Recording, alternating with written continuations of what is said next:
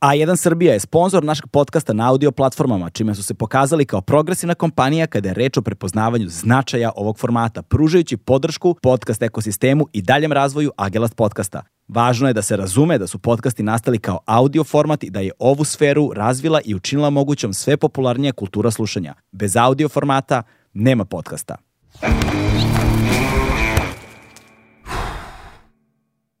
Hmm.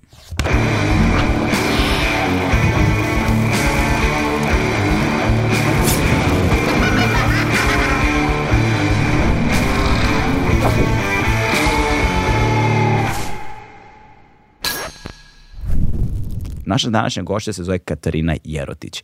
Ona je doktorantkinja na Oxfordu i bavi se neuronaukama, što znači da po definiciji svoj čoveka stavlja u centar svega. Ono zbog čega je ona veoma zanimljiva jeste zato što radi i bavi se istraživanjima o kojima često slušamo svuda u svetu, ali redko imamo prilike da sretamo neke naše ljude koji se zapravo bave time. U pitanju je spoj psihodelika, odnosno psihoaktivnih substanci, to jest halucinogena, u terapeutskim svrhama, odnosno u, istraži, istraži, u odnosno u kontrolisanim laboratorijskim i a, istraživačkim grupama. Dakle, u okviru Oxforda je izvršeno istraživanje u kome, su, kome je grupa od 24 ispitanike koji su pripadnici takozvane Santo Daime crkve, znaćete, saznaćete o čemu se radi nešto kasnije u toku razgovora, su u određenom vremenskom periodu uzimali određene halucinogene, gde su onda njih skenirali istraživali, ispitivali, došli do brojnih podataka i napravili in, i napravili intersekciju a, muzike, uticaja muzike, na, na, sa halucinogenima i kako oni utiču na čoveka.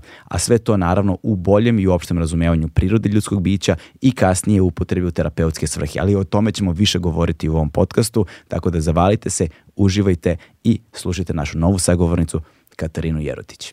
To je to. Počinjemo. I evo nas počinjemo. Zdravo Katarina. Zdravo Galebe. Ovaj, e, odmah da e, te pitam, dakle, Katarina Jerotić. Ja mhm. znam samo za jednog još Jerotića ovaj, i to je Vladeta Jerotić. Mm -hmm. Jeste u nekom, nekakvom srodstvu? Jesmo. Da, stvarno. Ali da. kakvom srodstvu tačno? A, nije pradeda, nego ujak. A, ja okej, okej, okej, okej, okej. Ok, sjajno. Evo, dakle, još, još jedna osoba iz porodice Jerotić ovaj, koja se bavi značajnim stvarima u životu. uh, nadam se da ću danas biti dovoljno funkcionalan, nešto sam valjda me stiže umor ono, sa, na samom kraju godine od obaveza i od svega i potpuno sam van fokusa. Jutro sam ustao i seo kola, krenuo na trening i ovako sam se zatekao ispred vrtića u jednom trenutku. I sedim, i znaš, sedim i razmišljam nešto nije u redu i trebalo mi je neko, ono, desetak sekundi da skapiram, čekaj vrati, ja sam došao do vrtića ono, u šest ujutro, kao trebalo je zapravo da odem u trening. Tako da tako mi je počeo dan, znaš, ono, okay. potpuno, sam, potpuno sam van fokusa, a današnji razgovor će zahtevati dosta fokusa. Pazi, meni leži, ja da. nisam, e, ičem od ovoga pričala na srpskom pre, tako da na tenane je taman. Ali činjenica da hoćeš da pričaš na srpskom je veliki plus ovaj, i svaka čast što se upuštaš u to ovaj, s jedne strane. A, s druge strane, pre nego što počnemo uopšte, a, da mm. kažemo odmah ljudima, dakle ti si a, na doktoratu na Oxfordu, je li tako? Tako je. Ti se baviš zapravo neuronaukama na neki način. Tako ovaj, je. Diplomirala si, završila si osnovne studije psihologiju. Hoćeš samo da kažeš zapravo kako, šta si radila psihologija, pa posle... Da, e, završila sam e, psihologiju, onda sam e, radila master u neuronauci, mm -hmm. da pređem malo na tu više biološku stranu. Mm -hmm.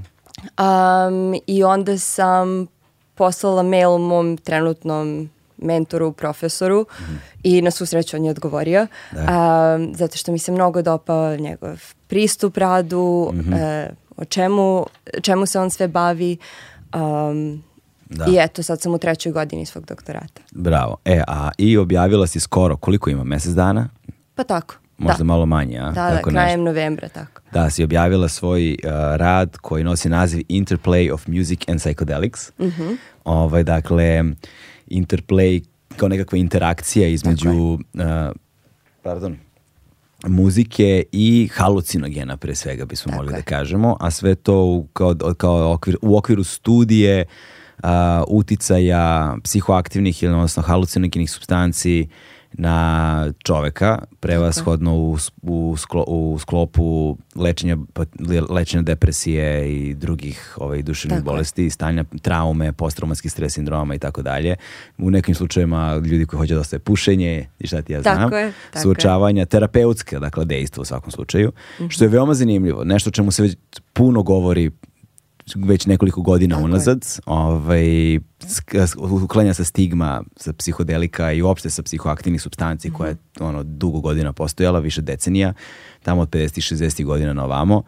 I Uh, i svašta se tu nešto dešava i jako je lepo da imamo priliku na našem jeziku da razgovaramo o ovim stvarima sa nekime ko se ovime zapravo bavi kao naučnik. I, Doći sve od sebe. da, kao, kao naučnik i želim da se zahvalim odmah u startu Časlavu Hadži Nikoliću, koji nas je zapravo spojio, koji, mi je, koji me uputio na tebe i Maji Skjerdo naravno koja mi je takođe govorila puno o tebi, onda sam te ja na kraju kontaktirao ovaj, i evo nas koliko ne znam, mesecima, ne, kasnije, kad smo se nešto... Tako je, tako je. Ali pre nego što nastavimo sa tom pričom, tvoja priča je zapravo uh, vrlo zanimljiva, pa hajde da malo se bolje upoznamo sa okay. tobom. Ti, si zap, ti zapravo si rođena gde? Ja sam rođena u Beogradu. Okay. Um, ali sam ovdje bila dve godine mm -hmm. i onda smo posle, um, moj tata je inženjer mm -hmm. i on je imao uh, posao van Srbije, tako smo mi otišli sa njim u Dubaj na dve godine. Mm -hmm. Ja se toga ne sjećam zašto sam bila dete. Jasno. Ove, ovaj, I posle toga smo otišli u Nigeriju, u Abuđu. Mm -hmm. um, Glavni grad, da. Tako je. Ja mislim da su oni sigurno očekivali da će biti tamo par godina. Uh, mi smo na kraju tamo ostali 11 godina. Wow, da um, za mene kao dete fantastično. Mhm. Mislim, ja sam stvarno uživala tamo, mada opet to je moje iskustvo. Ja nemam e, paralelno iskustvo da poredim sa da, time. Da, da, da. da. Ovaj, onda sam sa nekih 14 mm -hmm. došla u Beograd. Ovde sam bila dve godine u srednjoj mm -hmm. i od e, tad sam, znači od neke 16. na 17. E, sam u Engleskoj. U Engleskoj, to jest, odnosno bila si gde u Londonu? Bila sam prvo u malom mestu dole u Kentu u jugu mm -hmm. um, i onda mhm. sam šest godina u Londonu bila i evo sad sam posljednje dve i po uh, u Oxfordu. U Oxfordu, sjajno. Ove, ovaj, a tamo si šta, u Londonu si na Imperialu bila ili gde si? Uh, osnovne studije sam završila na UCL-u, University okay. College London, to je bila psihologija i posle toga sam neuronauku uh, radila na Imperialu posle toga sam i biznis radila na Imperialu, ali to nije baš uvezano sa ovim ostalim. E, nema veze, ali to, da, nema veze, ali to je vrlo zanimljivo zato što uh, mnogi ljudi koji sam upoznao u poslednje vreme, koji su značajni u svojim oblastima, često je to recimo i u medicini, uh, često je to i u tehnologijama, uh, Um, tu zapravo te dve grane najčešće su ljudi koji paralelno sa specializacijom, sa doktoratima i tako dalje su završavali neku vrstu menadžmenta u svojim oblastima. Uh mhm. -huh. Što je vrlo zanimljivo, ali kad razgovaraš sa njima shvatiš da ima jako puno smisla. I kako, ob, kako naučne oblasti odlaze u duboke specijalizacije u savremeno doba, da. ovaj, jedna od stvari koja se zahteva od skoro svih ljudi koji su specijalizanti ovaj, ili specijalisti u svojim oblastima jeste da posjeduju više različitih veština da Jeste. bi bili konkurentni prosto na mm -hmm. tržištu. To, koliko je svet otišao daleko. I u ovom slučaju, recimo, pričat ćemo nešto kasnije, ti si naučila da programiranje. Da. Pošto pisanje kodova i slične stvari su veoma značajne u oblasti u kojoj se trenutno nalaziš nije bio lak put, još imam ja tu da učim da. dosta, ali napreduje se. Ali da, da. jeste, da. tako da zapravo e, više, struk, više veština imaš kojima vladaš. Ovaj, i, to mi je, I to mi je baš drago. A pritom spadaš u, među najmlađe goste koje smo imali, ako ne i najmlađe. Koliko, ko, Mare, koliko nam je najmlađa osoba bila? Ja nam Filip Grujić bio najmlađi? Uh, jeste, da, ali ne, koliko beš on? Uh, e, 90... Šesto? ja mislim, da. A, jesam onda. Ti si okay. najmlađi. Ti, on, okay. ti si... 98. 98. godište. A? Jel ti umeš da pišeš kod, Mare? Kod? Pa da. Te, ja ne znam e. da sabiram. E, ljudi su više, više puta prisustvali mom, uh, užasnoj, mom užasnom kapacitetu da sabiram i oduzimam brojeve ovdje u podcastu, tako da uh, niko ti ovde nije dorastao među, među, nama, ali se veoma radujem razgovoru. Ma jok, mi smo imali matematičara koji radi sa nama, on je druga godina mhm. svog doktorata, polu kod nas, polu u centru za matematiku mm. tamo i Sv, znači fantastičan je, sve će da ti objasni po pitanju tih naših metoda i samo jedan dan skapiramo da se skroz prebrojao za neke svoje financije, da. ali ono ozbiljno si prebrojao da, za da, svoje da, mesečne financije.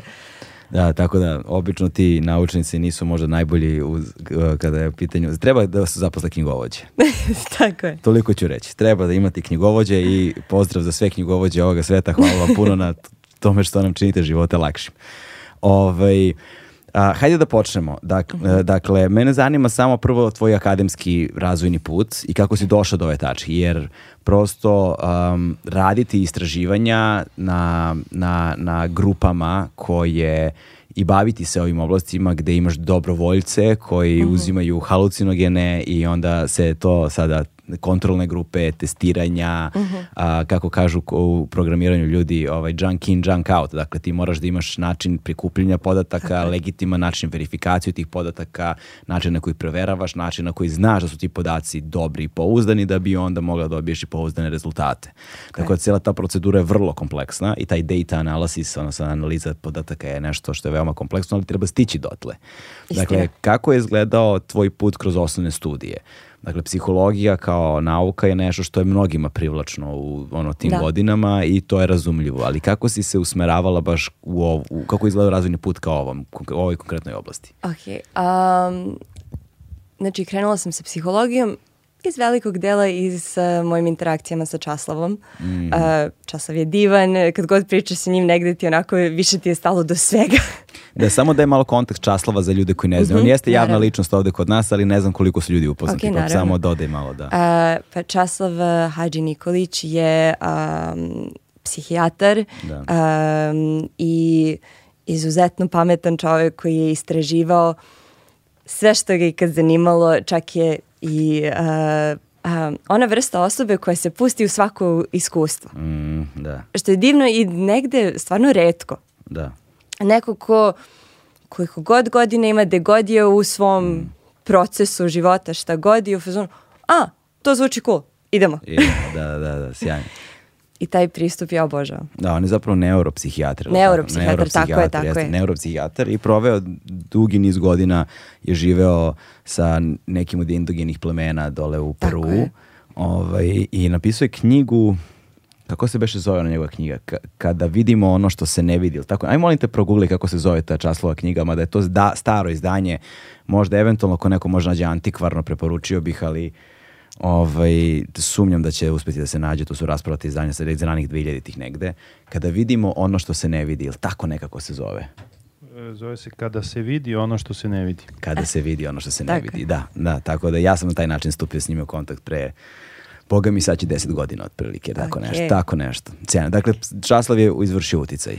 Da, Um, I onda sam ušla u psihologiju, negde primetila da dosta psihologije su um, oni questionnaires kao na, upitnici. upitnici i mi sada pokušavamo iz tih upitnika da dobijemo neku ideju ljudskog stanja.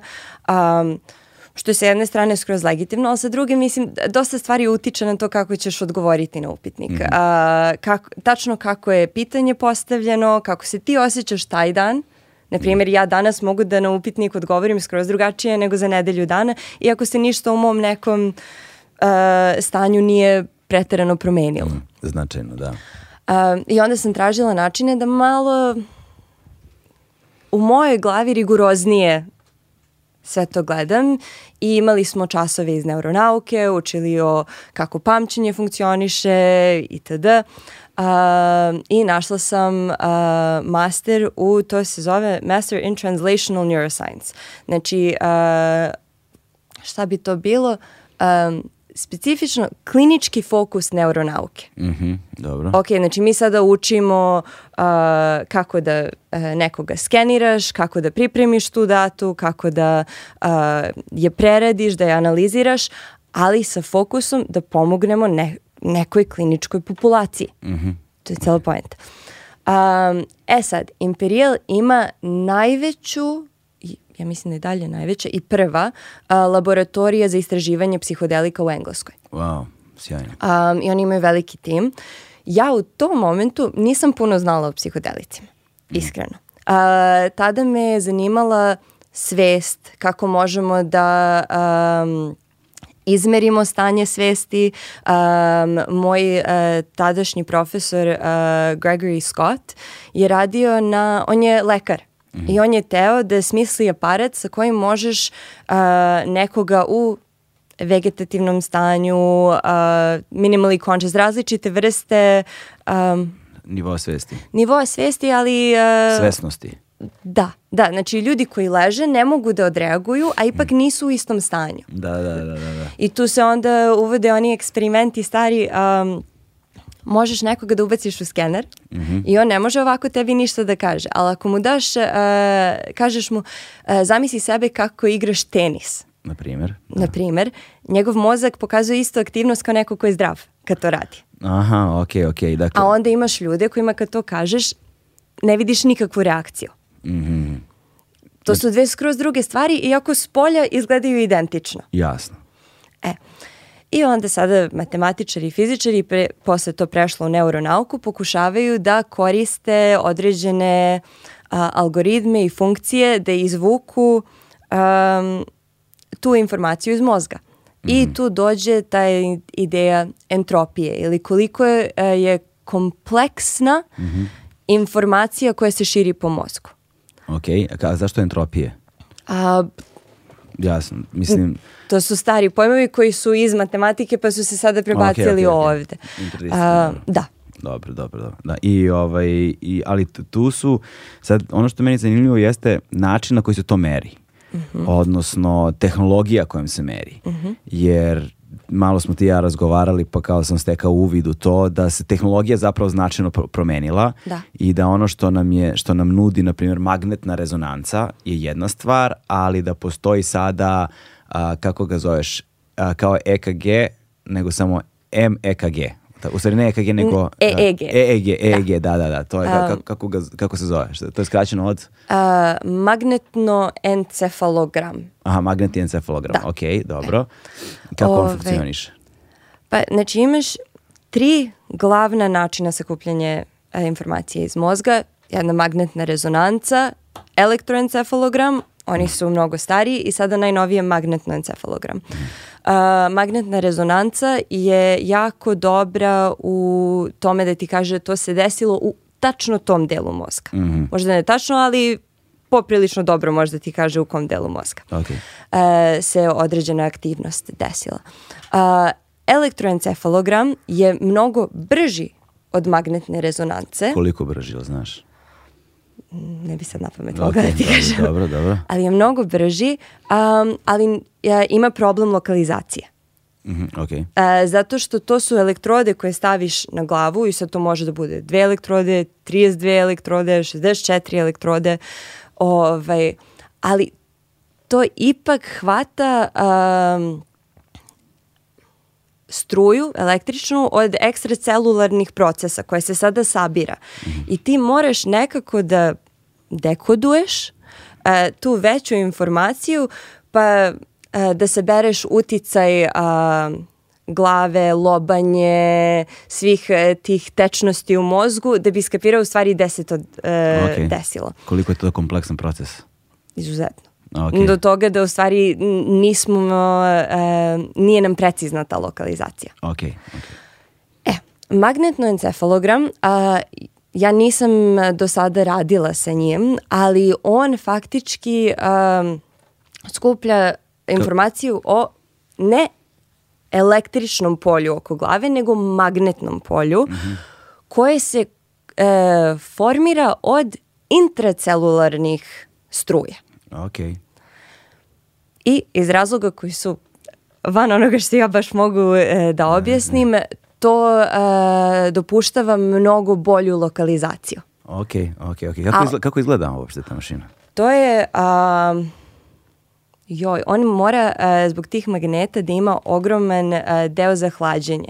Tako da to je ogromna plastična kutija koja mhm. zauzima pola sobe i na dnu nje ima sedište jedno mm -hmm. i kutak za glavu. Mali kutak za da. glavu i ogromna kutija. Da. da, da okay, I oni sedište onako dižu, dižu, dižu dok ti ne pipneš gore uh, Glava, kutiju da, tu. Da, da, da, da. I onda sediš mirno. Okay. Ali on, na primjer, a, u odnosu na magnetnu rezonancu koja je baš bučna, on nema nikakav zvuk. Mm, okay. Tako da kad dođe do meditacije, na primjer, ili čak i tog nekog a, psihodeličnog iskustva, mm -hmm. i tu ima neki benefit. Okay. Zato što Mislim, zamislite sada tripujete na nečemu, e, ne znate gde ste, šta se dešava i još čujete onu magnetnu rezonancu koja ide ž, ž, da, da ž, da, da, da ž, da, samo deset puta glasnije od toga. Jasno, jasno, da, da. Tako da... To je prednost jedno što je tiha mašina. Da. Ok, ok, sjajno. I, pošto preciznije prikazuje, šta, šta prikazuje?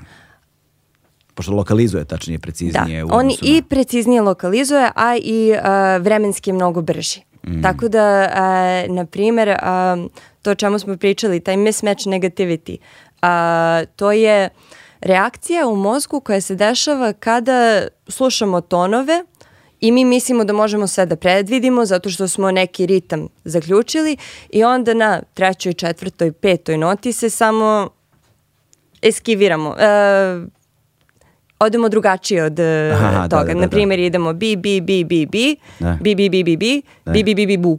Da, okay, jasno. Tvoj mozak u milisekundama reaguje na to bu. Okay. Sa magnetnoencefalogramom MEG možemo da kažem, prvo možemo da pokupimo taj moment, što sa magnetnom rezonancom ni ne znamo da se dešava, mm -hmm. a sa druge strane možemo kažemo i deo mozgu se dešava. Ok, okay. što je zapravo nam diagnostički i a, u, svet, u, u, u, u aspektu razumevanja otvara potpuno nove svetove. Pa da, zato što mi ne možemo da otvorimo mozak i da ga samo gledamo kako mm. funkcioniše. Sve što mi radimo je interpretacija toga što se dešava u mozgu. Da. I kao što si rekao, junk in, junk out. Da. Sve manje i manje to što ubacujemo je junk. da, da, da, da, da. da, da jasno, e. jasno, jasno, jasno. Ove, e sad, ajde onda nekako da se povežemo, pošto si već pomenula uh, i ritmove i melodiju i ovaj, mm -hmm. u, u kontekstu interpretacije podataka koje dobijaš uh, prilikom istraživanja, pa da kažemo onda ovaj, da nekako povežemo, pošto sam pročitao tvoj rad, ovaj, onaj deo koji sam mogao da razumem je fascinantan, zato što ipak ima, referiše na veliki broj um, stručne literature koje, sa kojom nisam upoznat, sa nekim autorima sam upo, sa nekim autorima sam upoznat, ali pre svega kad govorimo o ovim etnomuzikolozima i tako dalje, mhm. zato što je jako važno razumeti u suštini da bismo mogli da, da biste mogli da ispitujete muziku, važno je razumeti kontekst muzike, dakle mhm. evolutivni, istorijski, da. a, kulturološki, šta uopšte kako se muzika definiše kao takva, da bi da. mogla da bude relevantna za merenje podataka. Ovaj, pa, pa hajde da počnemo onda negde od, od, od samog početka. Ka, kako si uopšte došla do ideje da se baviš uh, odnosno muzike i psihodelika, odnosno halucinogena? Uh, to je u stvari bilo sasvim slučajno. Mm -hmm. a, ja sam krenula svoj doktorat a, sa idejom da ću istraživati mnogo više kliničko Eh, populaciju. E, ja sam baš na toj dati trebala da radim. Aha, okej, okay, okay. Ove, ovaj, I to je onako clinical trial, rigorozan, imaš uh, kontrolnu grupu, grupe ljudi pa follow up posle. Da. Uh, ali zato što doktorat traje tri godine, a mi smo već bili na nekih četiri, pet meseci gde zbog burokratije nismo mogli da dobijemo tu datu još. Mm -hmm. Onda smo rekli, okay, mi kao centar ćemo probati svakako da dobijemo tu datu. A koji je to centar? A, a, e, to je centar za eudaimoniju i ja mislim da je najbolji prevod procvet čoveka. Ok, a, flourishing, šta? Kako? Flourishing, a, to je ono... A, Human Flourishing, jesi tako zove? Tako je, to je okay. Center for Eudaimonia and Human Flourishing. Uh, I taj flourishing je negde cvetanje, ali ne ono fizičko cvetanje, nego yes. cvetanje uma negde, da, da, da. da. znaš, da, da e, živimo bolji život, šta mm. znači živeti dobar život i tako mm. dalje. Ok, ok, ok, ok. Dakle, ne, nešto za kvalitet života, neš, nešto što bi se prevelo grubo u kvalit, na, na, o kvalitetu ljudskog života. Da, nešto što je stepen dalje od hedonije. Ok, ok, misliš hedonizma? Hedonizma. Ok, da, da, da, ok, ok, jasno, jasno, e. dobro. I? uh, tom centru zbog birokratskih problema nekakvih niste mogli da dobijete podatke. To je bilo odmah posle covid sve je bilo sporije, svi su u svojim centrima pokušavali da um, catch up. Aha, da sustignu. Da sustignu sve što se usporilo u tom periodu. Mislim, to skroz ima smisla. Ali onda je bila situacija, ok, ali ja moram da nastavim sa svojim doktoratom. Pa smo gledali šta su različite opcije I dopala mi se ideja da radim sa nečim što nije toliko klinički fokusirano. Mm. Ono, ko veli, mogu uvek sledeće da nastavim sa nečim što je malo više kliničko, mhm. ali mi se dopada da malo imam prostora da i tu antropologiju istražujem i e, nešto što je van naše, mm. kako bi se to reklo, ono, individualističke pa i zapadnjačke neke norme. Ok, jasno. E. Dobro, dobro. I, ovaj, I kako nalaziš? Znači, to je neka studija koja je već postojala, u kojoj si se ti priključila. Znači, to je studija koju je moj profesor, uh, Morten Kringelbach, koji vodi naš centar, uh, radio sa grupom u Maastrichtu, u Holandiji. Mm -hmm, okay. a, I njihovu grupu vodi profesor Jan Ramakers za psihofarmakologiju a, i oni rade stvarno dosta kolekcije date i date im je generalno jako zanimljiva. Oni su, njima je prišla grupa Santo Daime, a, koju ja istražujem. Santo Daime je, oni su sinkretička crkva koja potiče iz Brazila. A, to znači da su mešavina različitih verovanja, a, znači o, osnovno su katolici, mm -hmm ali imaju uticaj i šamanizma i afro brazilijanskih uh, vera da. i nekog pa i evropskog spiritualizma. Na neki način, da. E. Ove, I to je krenulo u Brazilu i onda kako su došli ljudi s polja, uh, prošli kroz te njihove rituale, mm -hmm. pove, ono, verovali u to, onda su poneli to sa sobom kući. Da li je to u Ameriku, da li je to u Holandiju, da li je to u mm Italiju um, i grupa u Holandiji. Samo jedna stvar, spe, jedna specifična stvar u vezi sa Santo Daime, koja je veoma važna za ovu da. studiju. Jeste da oni u tim svojim redovnim ritualima piju ayahuasku. Da. Ayahuasca je psihodelična substanca koja u sebi ima najčešće dve biljke. Mm -hmm. Eh, psihotriju viridis i Banisteriopsis capi na latinskom. Uh, Psihotrija viridis ima taj, psih, tu psihodeličnu komponentu, to je DMT, dime, dimetiltriptamin, um, uh, ali uh, DMT kada se proguta, on se jako brzo razgradi u našem sistemu zbog monoamin oksidaze. Da, monoamin oksidaze, da. E, ovaj, um, MAO čuveni. Tako da, je, da. MAO i zato mu trebaju ti um, um, inhibitori inhibitori e. koji dolaze iz ove druge biljke, iz banisteriopsis kapi. Znači to su harmin, harmalin, tetrahidroharmin koji funkcionišu i dozvoljavaju da DMT uđe u krv i samim tim u mozak. Mm. A1 je prvi prijatelj audio izdanja Agelast podcasta. Um, i šta sam tada da kažem? Da, ne veze to. Da se Santo dajme, piju ajovasku, jasno da. si šta je i oni su prišli a, fakultetu i rekli mi bismo voleli da ako je neko zainteresovan nešto sa nama da radi, da svoje vreme doniramo nauci. Aj, tako Aha, da znači oni su sami dobrovoljno oni došli. Su prišli. ok, znači ja sam mislio da je proces zapravo bio obrnut. Ne, oni su došli što je dosta olakšalo ceo, ceo proces. Mm. Zato što onda je i etika i sve ostalo uh, mnogo jednostavnije, zato što oni svakako to piju redovno. Da, da. I onda nama samo treba ono ethical clearance um, da, da ih umeđu vremenu stavimo u skener. Da, a zanimljivo je kako je jedna verska institucija u stvari, jedna verska grupa ili kako god, zapravo prišla uh, uh, ljudima iz sveta nauke, znači naučnom centru, znači, odnosno dobrovoljno želeći da spoji zapravo spiritualno i naučno na tom nivou.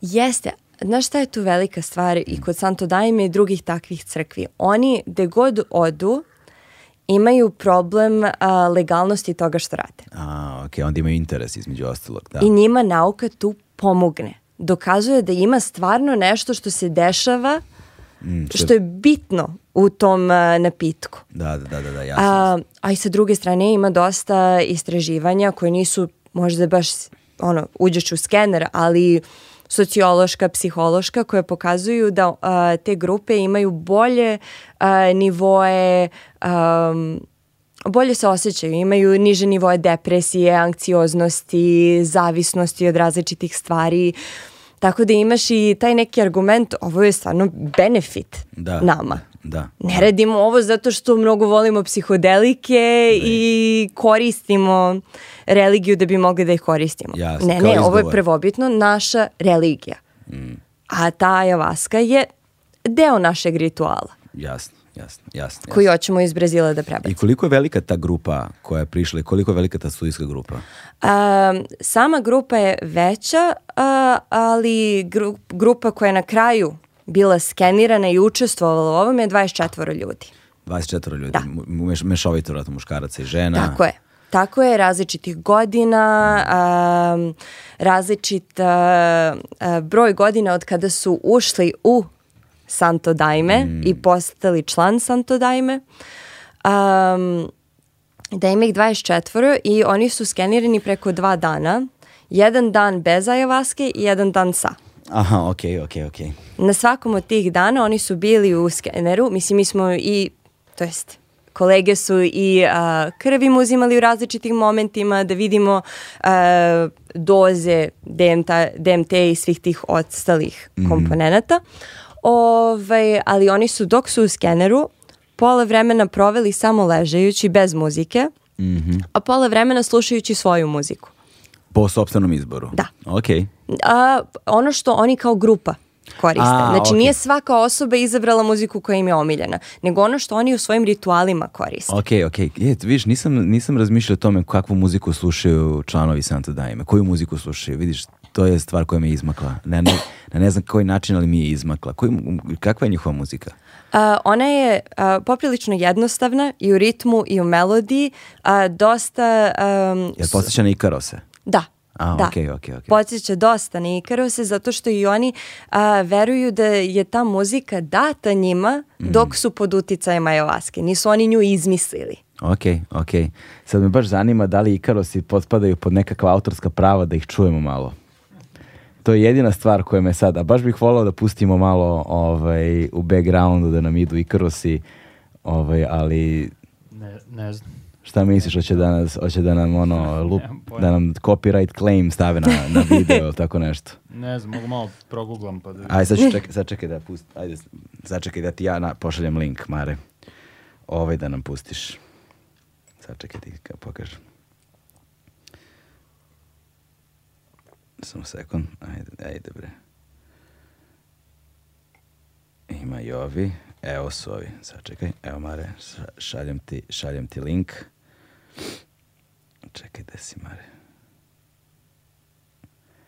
Pa nadam se da će imati smisla, a? Poslao sam ti, brate. Ok, sad ću da vidim ovaj, Mora, mora bi da podesim nešto. Samo ti polako, pa kad bude, ti nastavimo. Dakle, dakle, slušali su nešto što je poput Ikarosa ili baš Ikarose. A, to je simplifikovana verzija njihovog Ikarosa. Okay, gde oni okay. čuju ritam i melodiju. Dovoljno da ih podsjeti. Sa da ih ubaci u taj Aha. moment. Sa vokalima ili bez? Bez vokala. Bez vokala, Bez okay. vokala. Ok, da. zanimljivo je pošto u, jedan, u jednom delu rada, kasnije negde zapravo, baviš se malo i time a, da li vrsta muzike ima utice. Na, da, i to doći ćemo do toga, da. ne bih da preskačem, nego ne, samo prvo da, u, da uvedemo ove osnovne elemente da ljudi razumiju, postavimo koordinate sistem da. i, onda, i onda pričamo dalje. Da. Ok, super, dakle oni su došli, a, članovi Santo Daime, njih 24, mm -hmm. muškarci i žene, različitih u do, starosnog doba, a, različite dužine pripadnosti a, e, mhm. crkvi. A, koliko je, jel imaš podatke koliko je najmla, najmlađa osoba bila, koliko je, koja je najmlađa stažom bila, koja je najduže stažom bila? E, svi su imali barem par godina staža. Minimum, okej. Okay. Ovaj, neki su imali i deset. Da, da. I preko. Ovaj, najmlađa osoba je imala preko 20, a najstarija je imala čak i 60. okay, ok, Okay. Dosta ovaj. fin utorak. Jeste, jeste. Pa sa jedne strane je jako fin, sa druge strane moraš malo da razmišljaš o tome kako ćeš i te podatke da inkorporiraš u svoje analize. Da, koliko je to kompleksno bilo? I koji su parametri bili da bi razumela i da bi ovaj, imala što relevantnije rezultate? A, kako misliš koji su parametri? Pa, na, ka, ka, kako grupišeš, kako sistematizuješ te podatke? A, pa na kraju zato što su, to je relativno mala grupa. Mm -hmm. Znači 24 je super e, veličina za psihodelično istraživanje, a, e, ima dovoljno snage, ali ako ti sad njih grupišeš u manje grupe da. od po šest, to više nema snagu. Okay, jasno. Tako da ti posle radiš neke linearne regresije koje u sebe uh, ubacuju svu tu informaciju i negde ono kao account for Mm okej. okay. Sve to. Važno. Ove, ovaj, na indirektniji način, tako da ti ne moraš njih da odvajaš. okej, ok, znači e. važi, važi.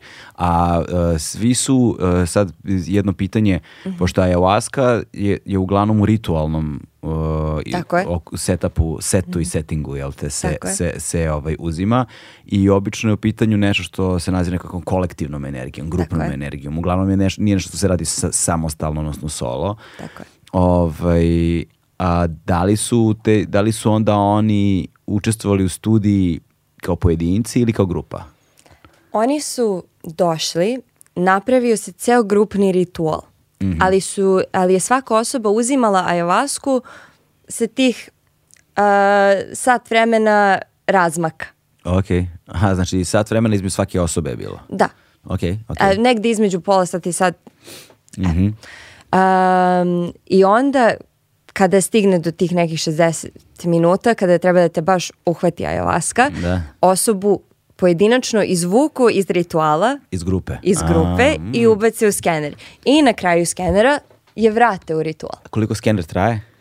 Skener traje uh, 20 minuta same date koju možemo da koristimo plus 5-10 sa svake strane da se osoba pripremi, ubaci u skener, da sve to da. teče da se osoba smiri ako ima anksiozni napad od skenera. pa dobro, nama je tu dosta pomoglo što su oni iskusni. jako iskusni i ne. Da. pritom a, kao grupa generalno uzimaju mnogo manje doze DMT mm. nego što bi, na primjer, u kliničkoj a, e, studiji se uzelo. Mm, a zašto? Treba i manje da stignu do... Oni imaju cilj. Da, da, da, da, da, okay. I treba, što si iskusniji u nečemu, to ti treba manje da bi stigao do tog stanja. Jasno, jasno. Pogotovo jasno. zato što sa psihodelicima nema ono da se zasitiš pa ti treba još. Da, aha, ne, ne gradi se tolerancija. Tako je. Ok, ne gradi se tolerancija, da, to jeste, to znam. Ok, i ovaj, to oni su u toku dva dana se to radili. Jedan je dan je bio bez, jedan dan sa. Da. Pa dobro, to je tehnički bilo preko više dana, ali za svaku osobu je bilo dva dana A, skeniranja. Okay, okay, za svaku znači, osobu. ima 24 osobe, jasno. u jednom danu to ne može se završiti. Jasno, jasno, jasno, jasno, e. jasno, jasno. Ok, Ove, kada je to bilo? To je bilo, znači to se završilo, ja mislim, godinu pre nego što sam ja krenula. Mm -hmm. Ja sam krenula oktober 21. Znači to je 2020. 20. ja mislim da. Ok, u sred covid ono. Ja mislim da je krenulo i ranije, pa... Mm -hmm. Ali da. U redu. Ovaj, je sada, uh, prikupljanje tih podataka, ajde sad da se vratimo nazad na, i onda si, i onda si ti zapravo te podatke, podatke sa tog istraživanja koristila u svom radu. Da. Ok. Ovaj, e sada, uh, kada si postavljala uh, osnovnu premisu, dakle taj interplay um, of music and psychedelics, dakle ta nekakva interakcija i među uzemni odnos a, mm -hmm. muzike i halucinogena, odnosno psihodelika, a, trebalo je na neki način da se postavi okvir šta, ok, jasno je biološki, odnosno jasno je farmakološki šta su psihodelici, ali mm -hmm. kako se definiše šta je muzika? to je pitanje na koje izgleda da i dalje ljudi ne mogu baš da se a, saglase. Mm -hmm. a, zato što svaki put kad probaš da je objasniš ili je previše komplikovano i specifično i ima nešto što bi mi nazvali muzikom što ne pada uh, pod uh, to objašnjenje mm -hmm. ili je toliko široko da imaš poeme koje ulaze u to, a poeme yes. ipak da. nisu muzika. Ove, tako da tu onda postaju jako bitni ritam, melodija i ti neki uh, delovi. Dobro. A, kako, ste, kako ste se ovaj, pošto, um, jer e, kada uzimaš u, ob, u obzir uh, okvire onoga što je muzika, ti moraš da uzmeš u obzir vremenski okvir, dakle kad govorimo o nekoj istoriji civilizacije, istoriji a, ono, društava, a, način na koji se kroz vreme muzika menjala i šta se razumelo pod muzikom. Mm -hmm. a, dakle, imaš neki koncept a, evolucije um, i takođe u tom konceptu evolucije kada posmatramo ljudsku praistoriju, a, čitajući u svom radu video sam neke zanimljive faktore o kojima nisam razmišljao, to je recimo kako su antropolozi posmatrali uh, ovaj, i biolozi posmatrali evoluciju muzike, mora da se počne od evolucije ljudskog govornog aparata, mm -hmm. od evolucije ljudske vilice, da, da. od mogućnosti reprodukcije glasova i razumevanja zvukova koji se reprodukuju u nekakve da. organizovane grupe zvukova, nazovimo to tako. Tako je, tako je. Pa se onda pretpostavlja da iako je govorni aparat možda bio razvijen do milion godina unazad, ne znam tako koliko, je. da se pretpostavlja da do homo sapiensa nije postala interpretacija toga i da kao muzika tako nije do nekih 300 godina, 300.000 godina unazad. Da. da. Mozak i njegov potencijal da to stvori možda nije još stigao do one tačke gde mora da bude da bi mogao da stvori i ritam i melodiju i taj neki um, mm -hmm Pa dobro i to e, iskustvo muzike i to što muzika nije samo ritam ili melodija, nego i neka emocija koja mhm. izlazi iz toga i onda to povežemo sa nekim našim pamćenjem, to nas dovede u neki, ne znam, bar gde smo sedeli sa tim drugom, pa smo pričali o ovome i tam, ta pesma je bila u pozadini za nas uh, u ritualima, mislim, još jače, zato što ta muzika se samo koristi mm. u ritualnom kontekstu. Da. Ovaj, ali da, meni je dok sam radila istraživanje za taj rad specifično, a, iskreno najstranija bila ta a, e, ideja evolucije muzike, zato što je nešto čim se nikad pre pozabavila nisam, mhm. a u stvari je a, jako interesantna zato što muzika postoji svuda. Mm. Postoji a, u grupama ljudi a, koji nikad nisu imali kontakt jedni sa drugima. Nikad nisu imali kontakt ni sa kim drugim. Mm. a već su imali muziku. Sada ta muzika će imati Misliš, neki... civilizacijski nisu da, imali, znači da. kao izolovana društva, da. izolovane da. zajednice, kao da, da kao ove nekontaktirane indogeni narodi, recimo u Amazonu i Sad tako da. da, ali pre hiljade godina bilo ih je mnogo bilo, više. Tako je, da, i svuda je arheološki ali, da. zabeleženo. Muzika i ta neka... Um, ne samo što postoji muzika, nego koliko je muzika bitna za nas kao društvo. I onda do, dolaze te teorije da je bitna za um, bonding sa drugim ljudima, za uspostavljanje nekog uh, razumevanja između ljudi. Veze, da, uh, za spuštanje barijere između dve osobe. Mm -hmm. uh, nisam više samo ja, ja i ti, ti, nego mi smo mi. Mm. Mi smo grupa i to svi osjetimo i na koncertima, da. izgubiš taj neki osjećaj sebe i ti si deo ove ogromne mase. Da. I to obično ima jako pozitivan efekat na naše mentalno stanje. Da, da, da. Dakle, kako kaže ona stara među ljudima smrdi, ali je lepo. Odnosno kaže toplo, znaš, ali ja sam zamenio sad malo. U svakom slučaju, da, zanimljivo je zato što je to nešto što je univerzalno ljudsko bez obzira na to koliko smo se mi civilizacijski osavremenili po znacima navoda. Ovaj, ali kad odeš na festival i kad odeš na koncert, zapravo pri, prepuštaš se upravo tom istom ritualnom koje je ostalo na neki način nepromenjeno. Da, i ja čak mislim što je veća masa ljudi, mm -hmm tu su stvari kao muzika bitnije. Da. Zato što ima, ima svih onih teorija koja kaže posle određenog broja ti ne možeš da imaš lični kontakt sa... Da. Znaš, ne, ne možeš lično da znaš 300 ljudi. Ako imaš 300 ljudi na Facebooku, na Instagramu, na čemu god, nisi blizak sa svima njima. Mm, da, čini mi se to neka cifra oko 150. Tako ima je. Tačno, to, taj taj broj ima ime po naučniku. Dušenov broj. Jel tako? Jel ja da, jeste? Da, da, ja da, jeste, jeste, da, da, da. E. Znam, samo sam zaboravio, malo vadimo ono informacije iz malog mozga. Da, okay. Da, Ali ste, da, sjajno. Ovaj, a, a, I onda, dakle, imaš tu ulogu muziki, funkciju muzike u suštini, mm -hmm. koja je te bila važna da se klasifikuje da bi mogla da se razume početna pozicija tvog rada. Da. da. Pa dobro, zato što cijela ideja je bila mm. muzika postoji, Mm -hmm. toliko dugo u toliko uh, civiliza u svim civilizacijama da.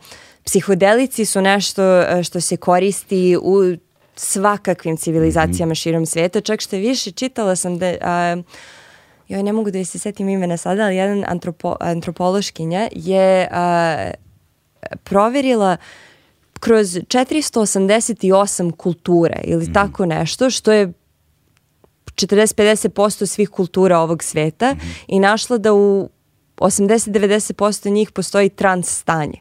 A, okay. Kao, ok, opširnije malo od psihodelika, ali mm. ta neka halucinacija, izgubiš pojam vremena, postoji u 80-90% njih. Da, da. I čak što više jedine grupe gde se to stvarno gubi su ove uh, modernije i individualistike, ne znam kako bi nas baš sve grupisala na srpskom, ali... Da, da, da, jasno, jasno, jasno. Sa, sa, modernije civilizacije. Da, savremenija društva. Tako je, sa, savremenija društva. Sa, da, savremenija društva sa izraženim individualizmom, Tako individualitetom. Da, je. Da, ono što, ono što mi nazivamo danas zaoštreni individualizam. Tako je. I neki njen argument je bio da, ne znam, ali je bio da e, smo i imamo više izražen taj neki meta glas u sebi mm -hmm. koji sve gleda um, i ocenjuje. Ok, ok. I pf, to ne valja, to valja, umjesto da se samo upustimo u život. Mm -hmm. I taj trans je neko uh, upuštanje sebe i gubiš totalnu kontrolu. Da. I pod psihodelicima isto. U mhm. većini slučajeva ti skroz izgubiš kontrolu da, da kod njih je važno da kada e, gubiš kontrolu da se prepustiš, da se, Tako ne, da se ne opireš. Tako je. Ukoliko želiš dobro iskustvo. Tako je. Korisno iskustvo, pre svega, ne, ne da proživljavaš pakao na neki način.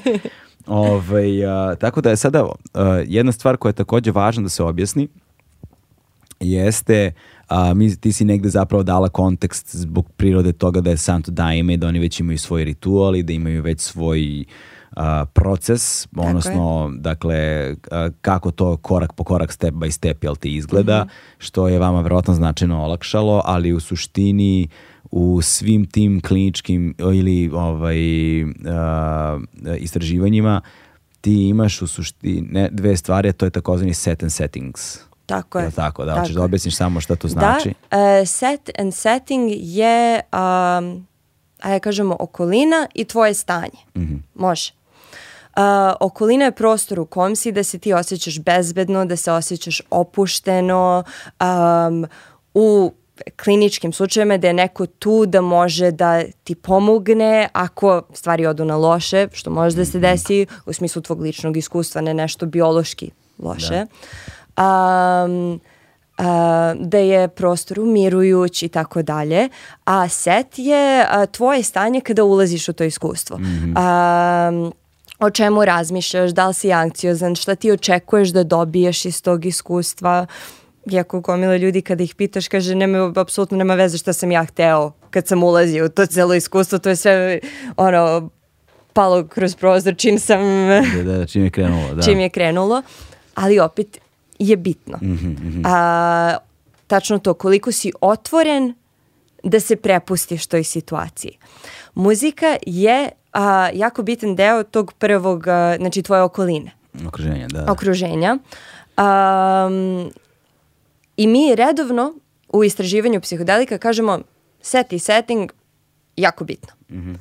I pustite muziku koja će opuštati. Ali jako malo pričamo o tome, ok, ali koja muzika? Mm. Mi sada pokušamo, kada dizajniramo određen eksperiment, da kažemo, ok, izgleda da ljudima u prošlim eksperimentima je a, prijala ova vrsta muzike ili čak nekad pitamo ljude zato što obično a, kada dođeš a, na eksperiment, ti moraš da si barem jednom ili dva put pre imao iskustvo sa psihodelicima. Mm -hmm. Znači, neće da daju uh, ljudima koji baš nikako iskustvo nisu imali, zato što, zamisli, prvi ti je put da imaš to iskustvo i onda te ubacuju u skener. Da, da, da, to je malo previše. To, to je stvarno previše.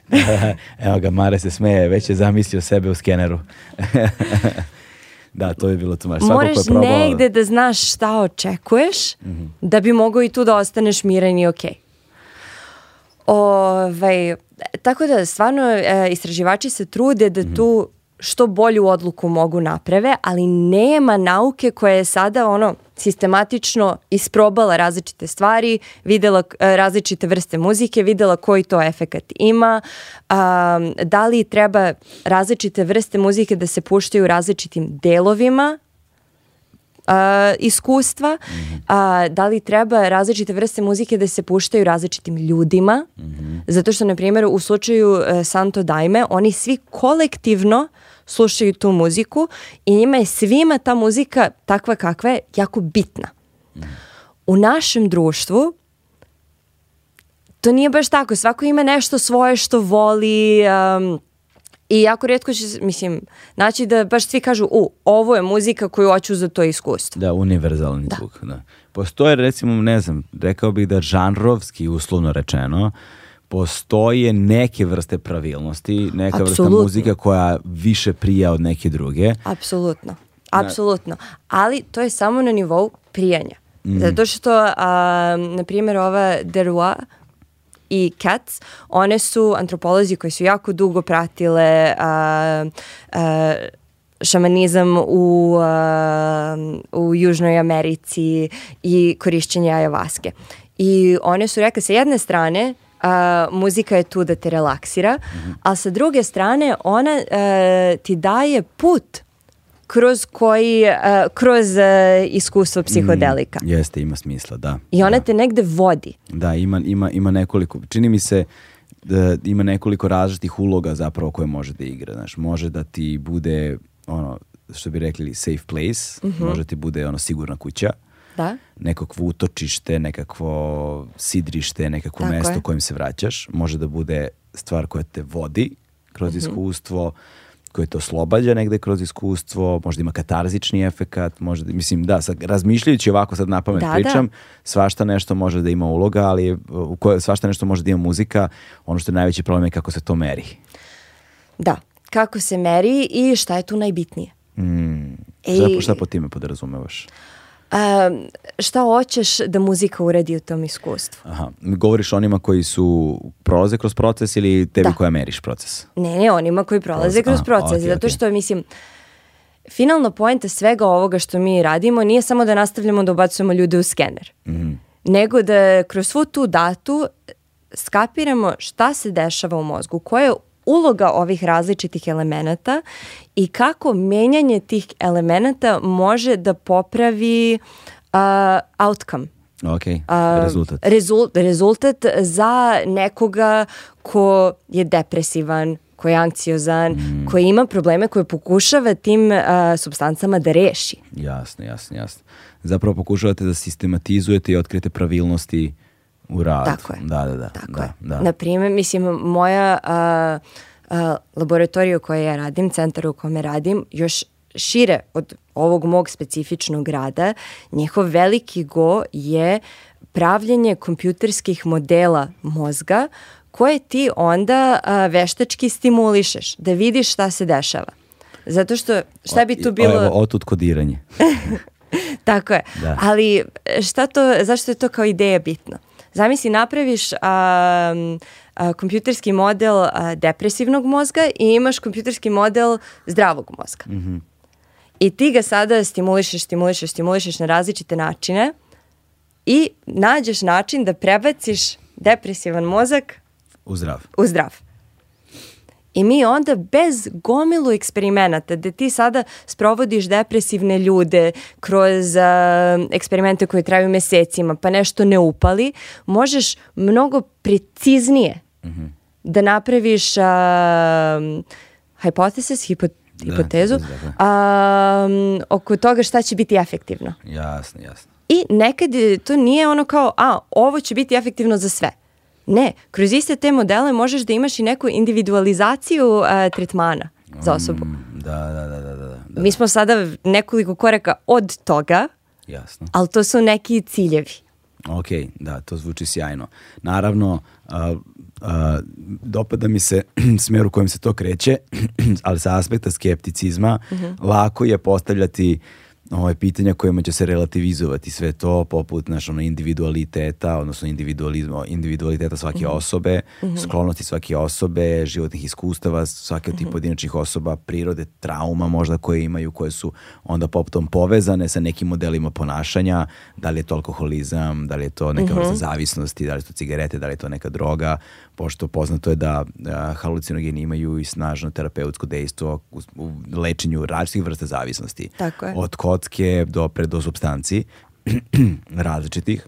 Tako je. Gde recimo i Boga poznata baš po, a, uh mhm. -huh. po, po, po lečenju od ovih opijata, ali a, s druge strane takođe i kada uzmeš sve tu svu multifaktorijalnost imaš problem sistematizacije i utvrđivanja pravilnosti. Uh, jer nekako, znaš, kako kažu, kako kažu na engleskom, da, one glove fits all, dakle, znaš, kao teško ćeš naći te, tu vrstu modela. Istina je i a, negde kada pričaš sa a, terapeutima, pogotovo na primjer u Švajcarskoj sada možeš da radiš a, terapiju sa psihodelicima. Wow, u Švajcarskoj je to dozvoljeno, a? Da, da. Nisam znao. Ima, znači, za ozbiljne vrste PTSD-a, uh, da. one... Posttraumatskog stresa. Da, da, tako je. Uh, de, depresija koje ono, treatment resistant, znači ne reaguješ na A, tretman, okay, da, da. na sva, sve druge tretmane, možeš da imaš uh, terapiju sa psihodelicima. I to je obično imaš, ja mislim, um, preparativni interv... razgovore sa svojim mm, e, pripremni, terape... pripremni, da. pripremne. Da, A, onda imaš samu terapiju i onda imaš, što kažu da je jako bitno, integraciju te informacije. Mm. Znači ne ti si imao iskustvo i sada ti ideš svojim životom, zato što ljudi kažu oh, sve vidim drugačije, ostavljam svoj posao, idem da živim negde drugo. Ne, ajde prvo da prođe taj kako se zove afterglow efekat, mm -hmm. gde ti mhm. ono sve fantastično i fenomenalno i probuđen si na neki način i šta da. već. I ajde sad da vidimo šta, si, šta tu u stvari najbolje može da se primeni u tvom životu. Da, neka prva faza je euforije, ono, kad se zaletiš i sad bi ti sve da menjaš, da kao aj sad malo iskuliraj, da prođe taj Tako je. prvi entuzijazam i onda da vidimo šta je ostalo. Tako da, da, da, jasno, jasno. Ima smisla. Ali oni svi kažu da psihodelici su te, u, u načinu na koji moraju da se daju ljudima prosto drug, dosta drugačije od toga kako naš trenutni farmaceutski sistem funkcioniše. To je istina. I da ta ideja da ćemo naći neki psihodelik ili varijantu za psihodelike da je samo ono, evo ti uzmi ovo kod kuće, za tri nedelje se vidimo pa ćemo malo pričati, da. ne pije vodu. Ali opet sa druge strane, mi trenutno imamo ljude koji su godinama na ovim a, antidepresivima mm -hmm. a, i godinama idu kod terapeuta i naše šanse da nekome pomognu su poprilično bedne. Da. Ove, ovaj, a sa psihodelicima ti možda imaš nekoliko seansi sa svojim a, terapeutom i da na duže staze vidiš pomak. Da, da. Čak što više ima ta priča, pogotovo kada dođe do um, um, um, sub, substanci, um, substance abuse. A, ok, zloupotrebe. Da, da zloupotrebe substanci, izvini, hvala. Ove, um, da se potpuno menja tvoj odnos sa tom substancom. Znači, mi mm. trenutno kako rešavamo zloupotrebu substanci? Ne diraj više nikad mm. i ako jednom lacneš, da, da, da. Opet, što na primjer za, uh, za alkoholizam je jako teško zato što mi živimo u civilizaciji koja Eh, alkohol je skroz normalizovan. Jeste, da. I ti ćeš u milion i jednom slučaju neko će dođe, ajde jedno pivo, da, ajde jedna da, da čaša. Da, da, da. Mislim, da se nazdravi. Jasno, da. Ove... Ovaj, Evo, baš smo imali tu situaciju skoro. sinoć i prek sinoć i nak sinoć. E, ali sa psihodelicima um, imaju, ljudi pričaju o tome kako um, posle mogu, na primer, uh, čašu šampanjca da nazdrave za to što im je dete završilo fakultet ili šta već. Jasne. I okej okay su, zato što njihov odnos sa tom substancom se skroz promenio. Da, da. Uh, jedna od stvari koje uh, sam primetio da uh, u tim snažnim ceremonijama koje zaista prodru dosta duboko ovaj, u tebe, a, desi se jedna vrsta transformacije, ne bih rekao transformacije, ali rekog uvida. Okay. Nekog uvida koje ti ranije nije bilo, uvid koji ti ranije nije bio dostupan. Mm -hmm. I činjenica da taj uvid sada postoji, a, znači da ti više ne možeš da nemaš taj uvid i mm onda je on sve prisutan, ali zbog svoje sve prisutnosti baca određenu vrstu svetla uh na, na tebe i na tvoj život i onda ga posmatraš pod malo drugačijim uglom, što znači da se tvoje ponašanje negde malo i koriguje, menja u odnosu na to i to ti je recimo, to je ono nešto se desi odmah nakon, u na, na narednih recimo prih mhm. nekoliko mm -hmm. nedelja, mesec dana na primjer. Da. Što znači da se ti pomerilo u tom trenutku na primjer pod ono u odnosu na putanju na koju si bila pod nekim minijaturnim uglom, ono pola stepena, naš, ne znam, okay. de, de, fragment stepena, delić stepena, stepen jedan, naš, mm -hmm. se mhm. pomeriš. Ali kako vreme odlazi, put kojim si nekada išla ide u jednom smeru, ali taj minijaturni pomeraj čini da se, da se vremenom veće, veće. Da, da, se vremenom distanca između tvog prethodnog puta i puta na kojem se sad nalaziš širi mm -hmm. i onda jedno godinu dana kasnije, dve godine kasnije sebe zatekneš na jednoj potpuno drugačijoj tački i kao potpuno drugačiju osobu od one koja si mislila da ćeš biti u tom, život, tom trenutku, u toj životnoj fazi i sa tom distancom se onda dešava još jedna stvar, a to je da sad imaš priliku da sa emocionalnim i fizičkim, sa emocionalnim vremenskom distancom, odnosno svoj prethodni život, sada možda ga sagledaš objektivnije. Uh -huh. I mhm. onda time još više osnažuješ sobstvenu transformaciju i promenu. Tako da to, to, da, da. to jeste jedna vrsta i to je nešto što sam čuo na mnogo različitih strana, u mnogo različitih situacija od ljudi da, da je upravo to nešto što im se desilo ali mhm. opet ima i drugih priča, znaš, tako da... ne, naravno, ali što je meni tu zanimljivo, dosta ljudi tako pričaju o terapiji. Mm -hmm, da. Ono, ako im je baš bilo uspešno terapije, poboljšali su načine na koji idu kroz svoj život, jako slično kažu, to su mali pomaci mm. i samo u jednom momentu vidiš sebe u situaciji, znaš kako bi pre reagovao i sada ti to ne pada ni na pamet. Tako je. Ali tome treba vremena. I tako da, ja stvarno mislim da psihodelici tu negde su više... Um, pomoć nama. Mm. Da stignemo do tih nekih prostora brže i lakše. Jeste, da. E. Moguće, moguće. E moguće, sada, da. a, ovaj, ono što je ono što je zanimljivo, sad smo mi dali nekakav uopšteni okvir kroz koji je nešto jednostavnije kretati se. Ali sad bih ušao u malo stručni okvir, okay. ovaj, jer sad sve to treba postaviti na naučnoj nogama, na naučnu osnovu i treba videti kako zapravo se ne samo tumače ti podaci i kako se prikupljaju te podaci, nego i u ko, koje je to plato na kojem se te podaci oslikavaju.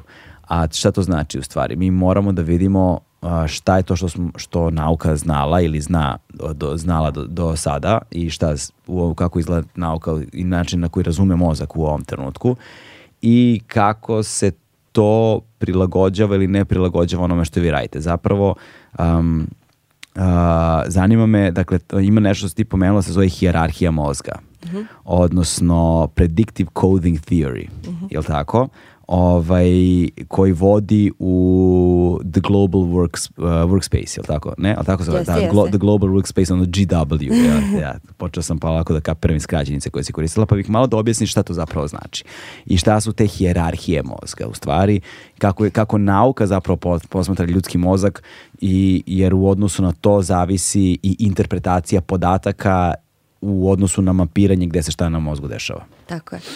Okej. Okay ovo će da biti deo koji će ja malo sporije na srpskom sigurno, ali... Nema veze, stručni um, deo, da. O, a šta, šta, šta ne znaš, probaj na engleskom ako umemo da prevedemo, prevećemo. ok.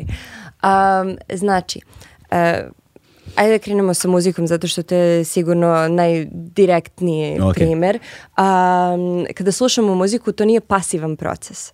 Znači, e, ne ulazi samo e, taj zvuk u uši i ok, kao mi to čujemo, boli nas dupe. Zato što da se to dešava, a, a ja kažemo slušaš svoju omiljenu pesmu i slučajno si uključio verziju gde na pola puta ona postane nešto drugo. Mm -hmm. Kako da. se osjećaš? Uh, znači na, na, da postane nešto drugo pa da pro, se iznerviraš da iznerviraš da promeni ti se stanje to sam teo kažem da odmah jasno da. zato što sve vrijeme ti imaš neke predictions mm -hmm. da imaš pretpostavke odnosno odnosno ne prediction prediction bi bio ovaj bre uh, uh, predviđanje da ti konstantno predvidiš šta će doći sledeće Tako. zato što um, na sve što mi gledamo oko sebe ima toliko detalja, toliko informacije. Jedna knjiga ima um, osnovnu boju, ima boju teksta, ima oblik svakog um, slova, ima svoje stranice, debljinu. Mi to sve moramo da nekako unesemo u naš mozak. Mm -hmm. e, zato što mozak, na primjer, barem vizualno, kreće ono, linija boja. Da. Linija boja, linija boja, linija boja i onda se to skuplja mhm.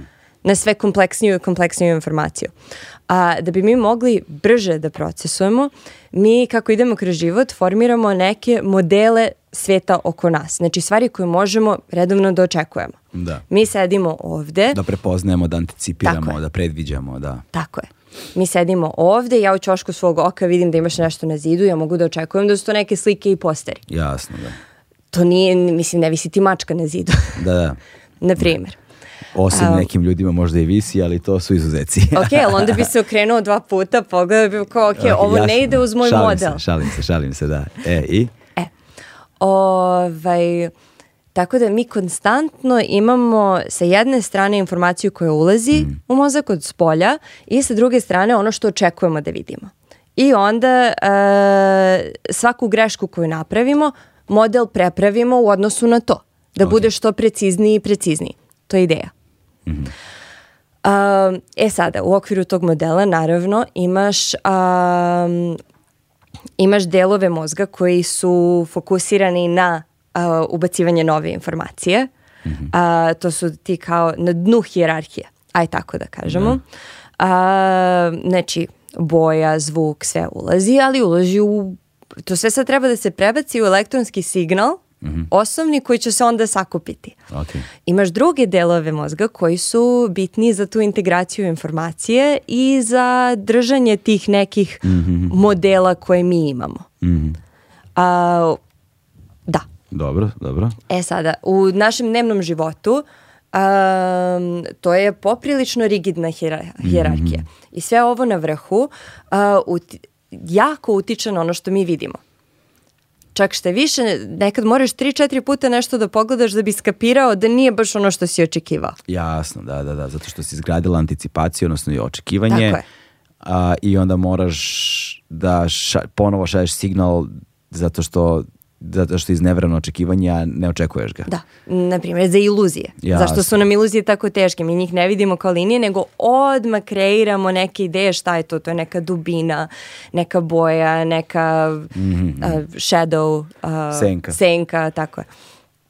E, i znači to je to neko stanje. Global workspace je samo ime koje smo dali za te regije koje su na vrhu. Okay. Kako moj profesor kaže, stare babe koje sve kontroliš. Ok, dobar ti je profesor. Da. e, on je super. A, da zna srpski, dovela bi ga ovde odmah. Jasno, jasno, jasno.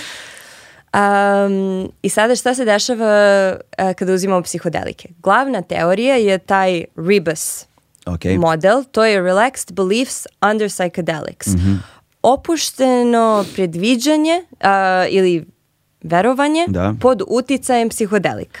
Da, samo bih se ja vratio možda korak unazad, prosto mm -hmm. da mhm. ljudima, da, pošto ti pominješ taj Rebus, ovaj, um, da korak pre toga ili ćeš možda to pomenuti sada, nisam siguran, ali mi se čini da je to u radu bilo negde ranije da, da se onda istraživanjima e, e empirijski pokazalo, jel te, da ta hijerarhija a, mozga koja postoji i ta, to kretanje informacija, da su tu zapravo dve stvari, da postoji dakle određena vrsta hjerarhije, ali da je kretanje informacija dvosmerno. Tako je. Dakle, Tako da imamo interplay, dakle, uzajamnu interakciju yes. među tim regijama i da se šalje tamo i nazad i da to je ono što čini stvar predikt. Konstantno, svaki nivo I... interakt, uh, eh, hjerarhije ima to dvosmerno da. i preskače nivoe. I... Tako je, da. znači da je tu komunikacija zapravo da. vrlo, vrlo, vrlo široka i da postoji određena, određena vrsta elastitic, elasticiteta u interpretacijama, u razumevanju, u primanju signala i ovaj, ali kada se uzmu uh, halucino, psihodelici, ono, halucinogeni. halucinogeni kada se uzmu, um, ta hijerarhija mozga počinje da se menja. Da, da. da. U najjednostavnijem smislu uh, može da bude da opada, da negde nestaje. Mm. Da, uh, zato što iako je to kompleksno, uh, e, transport informacije kroz mozak, mm. a, on opet je ima svoju strukturu i rigidan je. Kada ta hjerarkija nestane, to sve postaje mnogo kompleksnije i mnogo otvorenije. Mm. A, I odjednom a, su jednako bitni, bitno ono što već misliš da znaš o svetu i ono novo što ti ulazi. Da, da, da. I zato prva stvar koju iskusiš pod psihodelicima je ono, boje su ti drugačije, oblici su, ti se menjaju, dobijaš one kao grid da. formacije, zato što je to sve u skladu sa kako uh, ćelije u V1, to je prvom delu vizualnog sistema funkcioniš. Mm, da, da. I onda je zanimljivo, gubljenjem hijerarhije gube se prioriteti uh, u interpretaciji informacija, bez obzira da li su vizuelne, da li su slušne, auditivne, da li su kakve god. Tako je. Ovaj, ali onda se gubi i element, uh, gube se i elementi uzemne povezanosti hierarhi, unutar te hijerarhije. Dakle, emocija da, sa određenim elementima i dolazi do takozvane sinestezije, da Tako možeš je. da osjećaš boje ili vidiš zvuk Tako i, je. a s obzirom da nema hjerarhije, svi inputi postaju podjednako važni Tako je. i ta sloboda interpretacije može da ostvari, učini jedan haotičan, haotičan stvar, ali može i da ono pošalje kreativnost u ono orbitu, znaš, da Apsolutno, psihodelici imaju ogroman uticaj na, na kreativnost. Da, da, da. Apsolutno. Ovaj... Sjajno. E sad taj rebus. Dakle, relaxed beliefs under psychedelics. Uh, dakle, šta je, šta je to? I s druge strane, um, koliko sam ja primetio, ima, tu, ima dve podele unutar njega. To su Free Energy Principle e, i Entropic uh, Brain Hypothesis, mm -hmm. koji si pomenula na što ranije bila kad smo počeli razgovor. Da, da, da. Um... Free Energy Principle faktički je ideja da mi stalno idemo van nekog ekvilibrijuma mm -hmm. a, i moramo da imamo taj bukvalno free energy, mm, a, mhm. znači slobodnu energiju, slobodnu energiju slobodan a, put informacije gde se nove ideje sklapaju i tako mhm. dalje. Ali sve to lakše skapirati u okviru šireg Rebus modela, ja mislim, Dobro. nego individualno, a, zato što a, e, rebus model ti kaže on faktički kaže da ta hjerarhija opada i da se entropija u mozgu povećava. Šta je mhm. entropija? Entropija je koliko a, e, je kompleksno to širenje informacije. Znači, a, ako informacija ide od tačke A do tačke B i nazad, to nije ništa zanimljivo. Mhm, da. Ali ako ona krene da ide A, B, C, D, F, ovde, ovako, sve, znaš, širi se, odjednom je to zanimljivo šta se tu dešava. Da, e. i šta to znači. I šta to znači.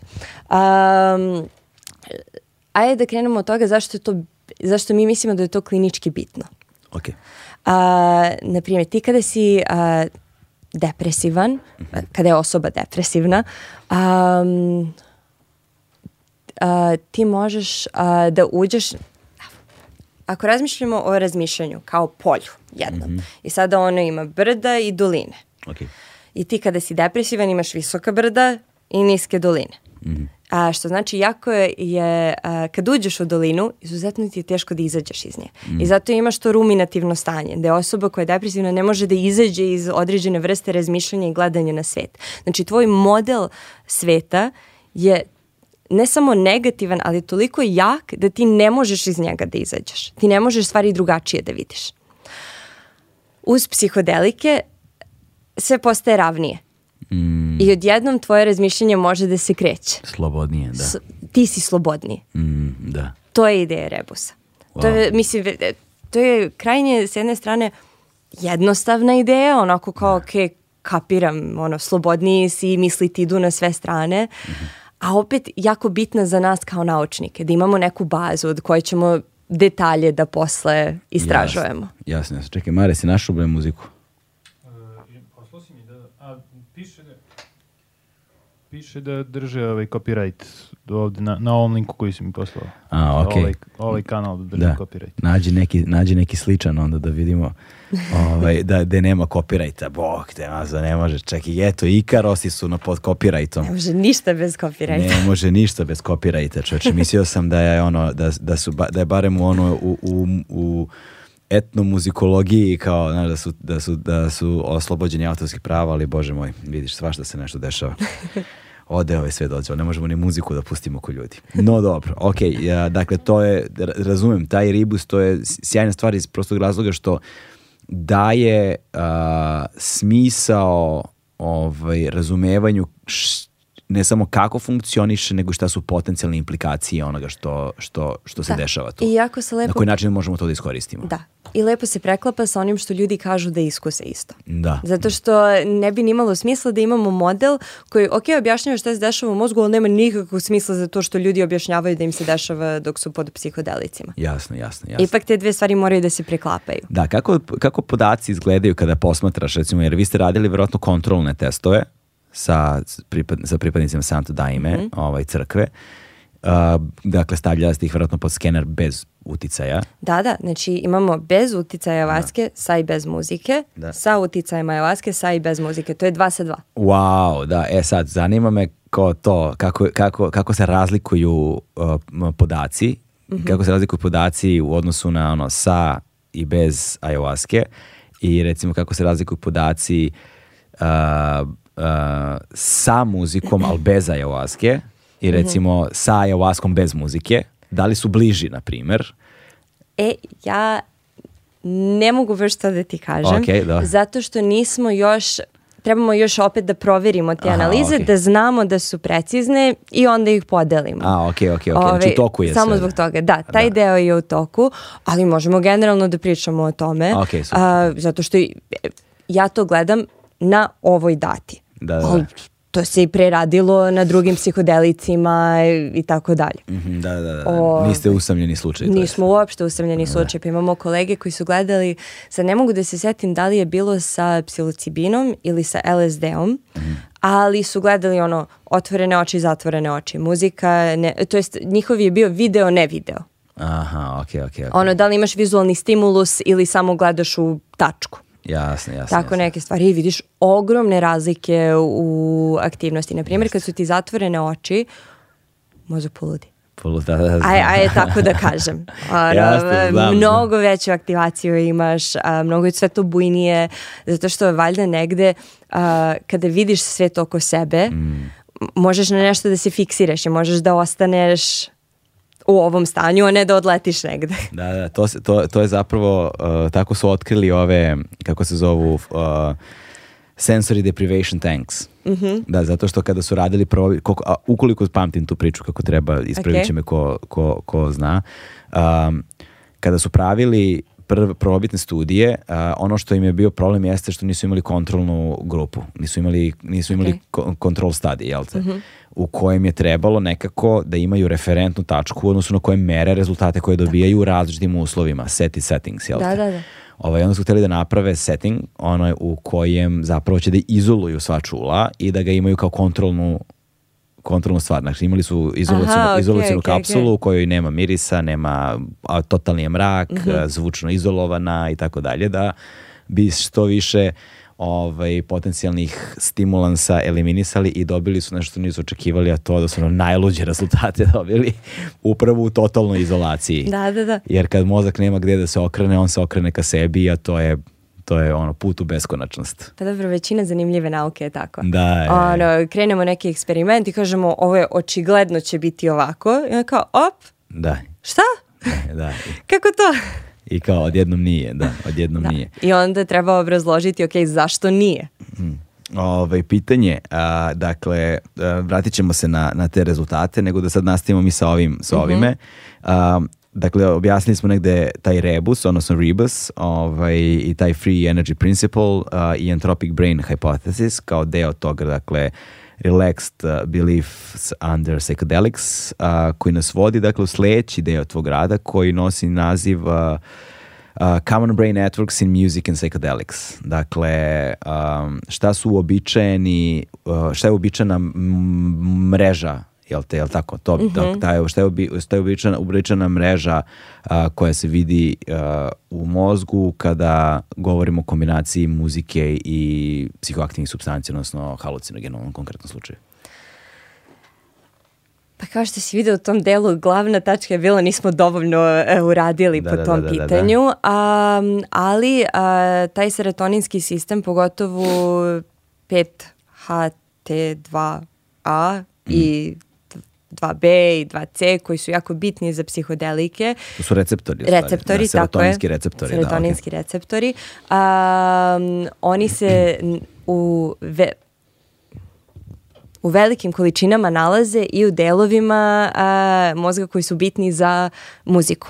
Mm, okay. A, sada šta znači bitno za muziku? Da li je to za, samo za sluh mm. a, ili je to za emotivnu reakciju na muziku? Mm.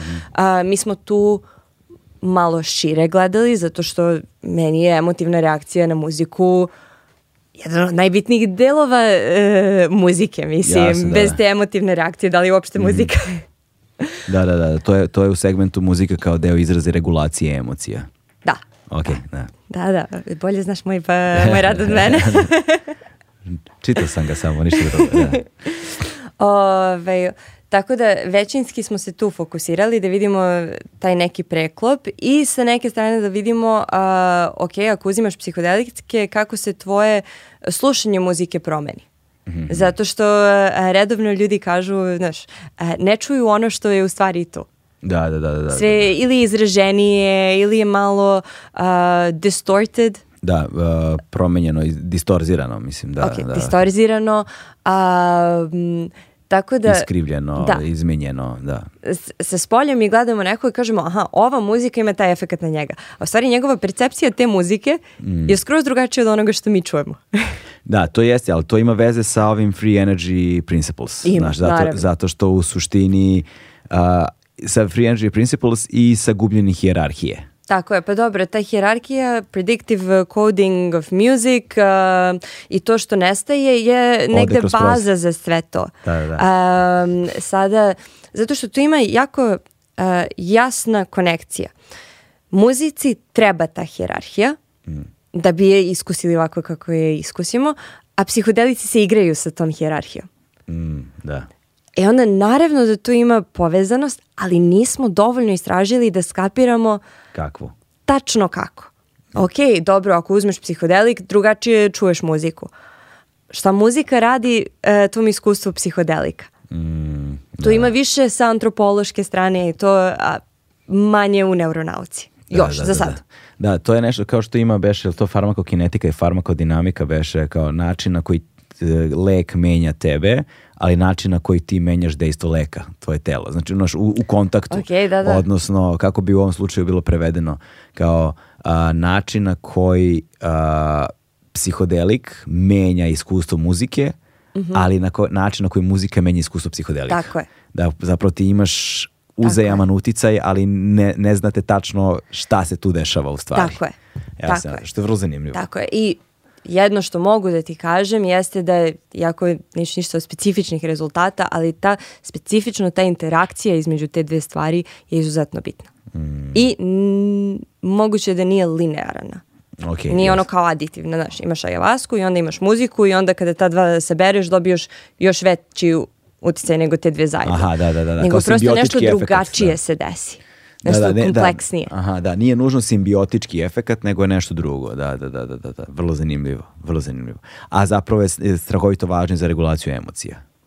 Muzika. Pa ne, mislim, taj interplay, da, taj, taj, da, ta, ta kombinacija. Da. Apsolutno, da, da, apsolutno. A reguliše nam emocija, ne znamo šta se dešava. Što je, znači, zapravo što više saznaješ o čoveku, sve manje saznaješ o čoveku što je vrlo zanimljivo. Znači, nekako što više bežiš od mističnosti, sve više zapadaš u mističnost. Nekako je paradoksalno uh, Ali to je test za sve, to je ono što više naučiš, mm. što više znaš koliko ne znaš. Jeste, jeste, jeste. za sve jest, u životu. Jest, da, da.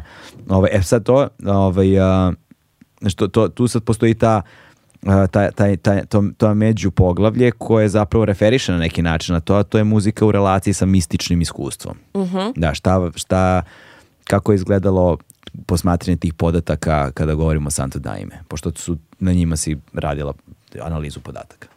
E, ali nisam, a, ovaj rad je kao review. Review, da da, da, da. Znači, a, ja njega koristim da uputim moj rad sa Santo Daime. Jasno, jasno, okej, okay, da, da. A, da. Santo Daime nisam eksplicitno iskoristila u ovom okay, radu. Okej, okay, jasno, jasno. Ovaj... Izvini, ponoviš što je bilo pitanje. Dakle, rela, relacija muzike sa mističnim iskustvom. Uh -huh. um, izgleda da, prvo, uh, mistično iskustvo je, izgleda jako bitno za uh, sve duže promene u stanjima koje mi vidimo posle psihodelika. Znači, okay. uh, hoćeš nešto da po, da ti bude bolje, da bolje e, sagledaš nešto, imaće veći efekat ako si stigao do mističnog iskustva. Nije svako koji, ko uzima psihodelike da će imati mistično iskustvo, ako je muzika tu, ima mnogo veće šanse da se stigne do tog mističnog iskustva. Okay. E, tako da tu je bitna i um, sad zašto tačno mi kroz nju stižemo do tog mističnog iskustva je ne 100% mhm. jasno, ali ipak ima nešto u njoj što je, možda je ta dodatna emocija zato što sa jedne strane jeste relaksacija, ali u odnosu na to koju si muziku izabrao, ona apsolutno možda ti pomogne da odeš dalje u tom procesu. Da, da, da, da. da. Tako da...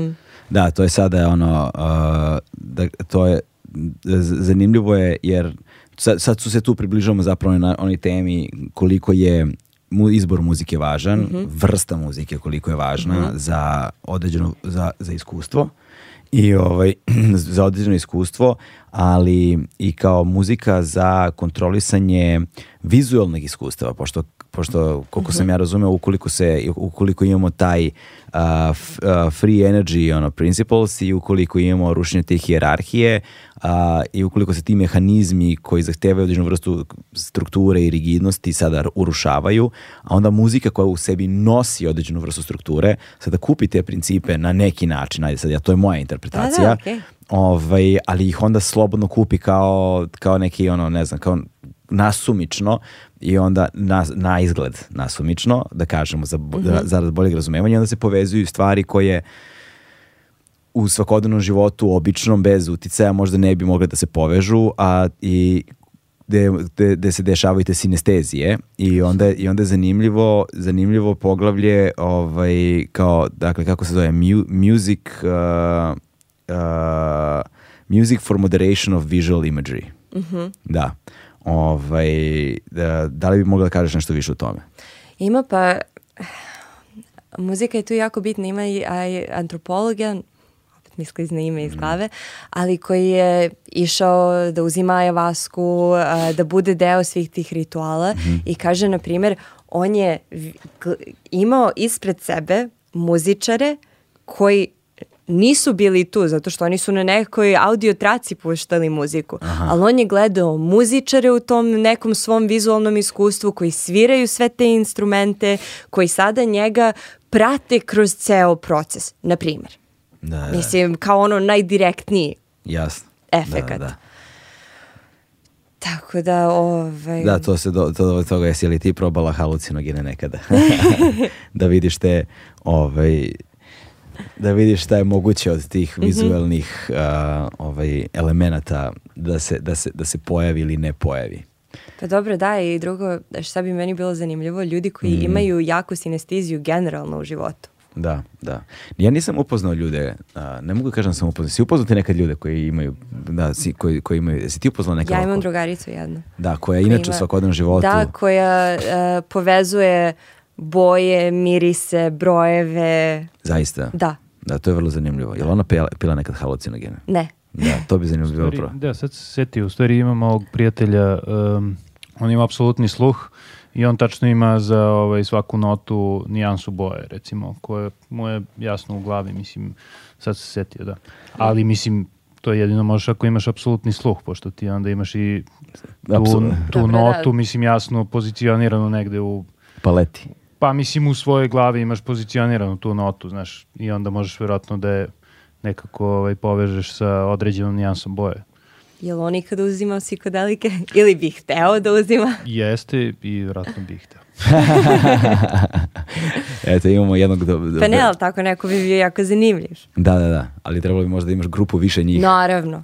Naravno, i hihi, ali dobro, uvijek se krene od jednog. Jasno, Vidimo da. da li ima neki princip i onda posle gledaš da li se to u većoj grupi da ponavlja, da mi, da, poveća. Da mi postavimo upitnik jedan u opisu videa da mogu ljudi da se prijavljuju za, te, za test grupe, da dođu malo do Londona, odnosno do Oksforda i da probaju svašta nešto.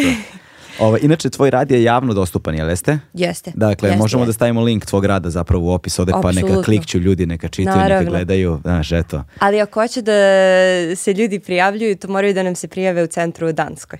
A. Pošto tamo imamo sve skenere i sve. E, znači, moj... Um, moj profesor je direktor ovog centra i a, mm na bordu da. za centar a, muzika u mozgu u okay. Arhusu u Danskoj. I oni mnogo duže još postoje, e, njihov ceo fokus je sve povezano sa muzikom. Uh, -hmm. e, I sinkopacija, i šta je groove, i zašto mi uživamo u groovu, e, šta je previše kompleksna muzika, šta je nedovoljno kompleksna muzika, kako to možda pomogne ljudima sa Parkinsonovom bolešću i tako dalje. Da, koliko znaš o tome? Pa znam po nešto. Pričala sam sa tim čovekom koji radi na tome i to je jako zanimljivo. Um, on mi je rekao da, na primjer, um, ljudi sa Parkinsonom, ako imaju, uh, pošto je njihov unutrašnji metar, mm -hmm. njihov uh, konstantan ritam, Dobro. ne funkcioniše. Mm -hmm. I ako oni imaju uh, stimulus od spolja koji drži, mnogo bolje funkcioniš. Zaista, da. Da, mnogo lakše hodeju, e, pričaju, sve im je lakše. Mm. Sad, naravno, zavisi stepen Parkinsona koji e, Jasno. čovjek ima, ali... Da, da, da, da, da, što je vrlo zanimljivo, vidiš. Ove, što takođe, takođe, me, takođe me zanima i kao, naš, kako, kako se melodija, ritam, groove ono, pokazuju na, na skenerima, na podacima, kao koja je razlika između Eh, slušanja melodična, nečega, melodijske linije bez, recimo, ritma i kako izgleda zvu slušanje ritma bez melodijske linije. A, okej. Okay. Pa dobro, znaš šta, ja mislim da tu stvarno, uh, ne znam tačno, ali ja mislim da to dosta zavisi od kompleksnosti toga što slušaš. Da li je to ritam koji je zanimljiv tebi, uz koji ti hoćeš da se krećeš da. i onda imaš i neku emotivnu reakciju i to je sve malo veće i kompleksnije mm -hmm. ili bukvalno samo čuješ bubup, bubup, da, da, da. bubup. Jeste, ali kako, ali kako isto ljudi reaguju recimo na poliritmije, znači na neparne ritmove i na slične stvari, što, je, mhm. što negde čini mi se pominješ u jednom trenutku u radu, negde na početku uh, kada govoriš o hjerarhijama mozga. Jeste, um, ta, ne, evo, uh, kao primjer sinkopacija. Mm. Uh, istraživanje u Danskoj su pokazala da ima tačno jedan srednji nivo kompleksnosti tog ritma ili melodije koji se nama mnogo dopada. Mm -hmm. Više od toga naše uživanje krene da opada i naravno uživanje možemo, znamo kako izgleda u mozgu, možemo da ga je izmerimo. Ove, izmerimo ne znam da li je jaka reč, ali ok. okay. Ove, I ako je previše prost ritam, ne zanima nas. Jasno. Prosto da nismo zainteresni. Znači postoji ono sweet spot. Apsolutno postoji sweet spot i zato a, kogod sluša groove, koji god da mu je kulturološki background i sve, više manje, osim ako si baš neki tamo, e. dopešće ti se. Tako da evo jedne pohvale za sve basiste koji nemaju dovoljno ovaj, hvale u životu. Dakle, groove je najvažnija stvar u pesmi bez gruva nema pesme. Tako je. Ovaj, slavimo malo i basiste. ovaj, a, pošto koliko, koliko ja znam, ono, basisti su zaduženi za groove. A, u svakom slučaju, a, to nas sad vodi do toga da li je izbor muzike važan. Uh mhm. -huh. ovaj, što na izgled deluje kao banalno pitanje ovaj, za bilo koga koji ima bilo kakvu vrstu iskustva sa psihoaktivnim substancom deluje kao najgluplje pitanje na svetu, kao, mm -hmm. naravno da je kao apsolutno važno, ali tišina je neobičajno važna u pojedinim trenucima mm -hmm. i ono kao kako kontrasno zapravo to izgleda i, i koliko je taj izbor muzike važan i na koji način je važan? Um, pa ajde da krenemo od onoga što je već uređeno na tu temu, pa ću mhm. onda reći šta mislim da treba još da se okay. radi. Mm -hmm. Tu je bila jako značajna Helen Bonnie u Americi koja je radila pod e, ovim e, grofom. On je baš tu bio bitan, ali ona je e, napravila taj um, guided imagery with music. Mm -hmm. Znači, um, to što ti vidiš, to što ti iskusiš tokom tog iskustva, muzika je tu kao guide, mm, kao vodič. vodič. Tako je. I oni su napravili celu bazu pesama, melodija mm -hmm. koji su uh, sakupljali godinama u njihovom um, institutu za uh, psihijatriju. Dakle, ja bih voleo da vidim tu bazu podataka, da vidim, da, vi, da vidim zapravo šta se tu od pesama nalazi, šta je tu od muzike Uh, jer zanimljivo je to nas i vodi uh, ne samo da li je izbor muzike važan, nego i u poglavlje koje se nadovezu na njega, to je evolucija muzike u psihoaktivnom iskustvu. Uh mhm. -huh. Dakle, uh, tu su postojala istraživanja koja zapravo su selektovala i odredila neke, neku vrstu pravilnosti. Odnosno pokušali barem. Pa ima, ima različitih uh, istraživanja koji su opet, kao što sam prije pomenula, znači ljudi negde kažu ok, u mom iskustvu je ovo prijelo ili pre kad smo mm -hmm. radili sa pacijentima spomenuli su da im ovo prija, ajde to da probamo. Mm -hmm. Tako da imaš... Um, imaš određene studije koji su koristili klasičnu muziku zato što im je fokus bio samo da opuste ljude, mm -hmm. a opet sa druge strane imaš one koji su um, dali ljudima da biraju svoju muziku. Jasno. I šta je najbitnije u svemu tome, na kraju imaš um, pitanja a, koje osoba popuni da je kaže ok, šta ti je ovde bilo bitno? I ljudi redovno pričaju o tome koliko je muzika tu bila bitna. Ili koliko im je smetalo nešto povezano sa muzikom, ili koliko im a, je pomoglo muzika mm. u određenom trenutku. Da, da. E sada, ovaj, a šta, koje su pravilnosti utvrdili i kako se zovu ti istraživači? Malo pre smo ih pominjali. Helen Bonny. Da, Helen, da.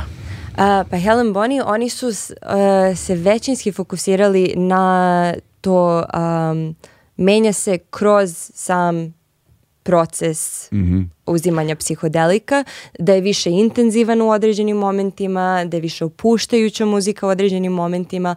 Ali, ali u kojim momentima šta neophodno? Um, Recimo kada ti je iskustvo u vrhuncu, kada, su ti, kada, kada si u piku, ono, znaš, šta, je tad želiš mirniju ili... Pa ja mislim da ako ti pozitivno reaguješ na taj pik, mm -hmm. onda apsolutno možda imaš nešto što će ti još malo pogurati. Aha, da, da, da, da, Intenzi, intenzivno. A ako je intenzivno i ti krećeš da imaš problem sa time koliko je to intenzivno, ulezi muzika koja će te smiriti. Jeste, Tako da čak i u tom njihovom planu uh, ide prvo ovo, pa ovo, pa ovo, opet najbitnije osoba.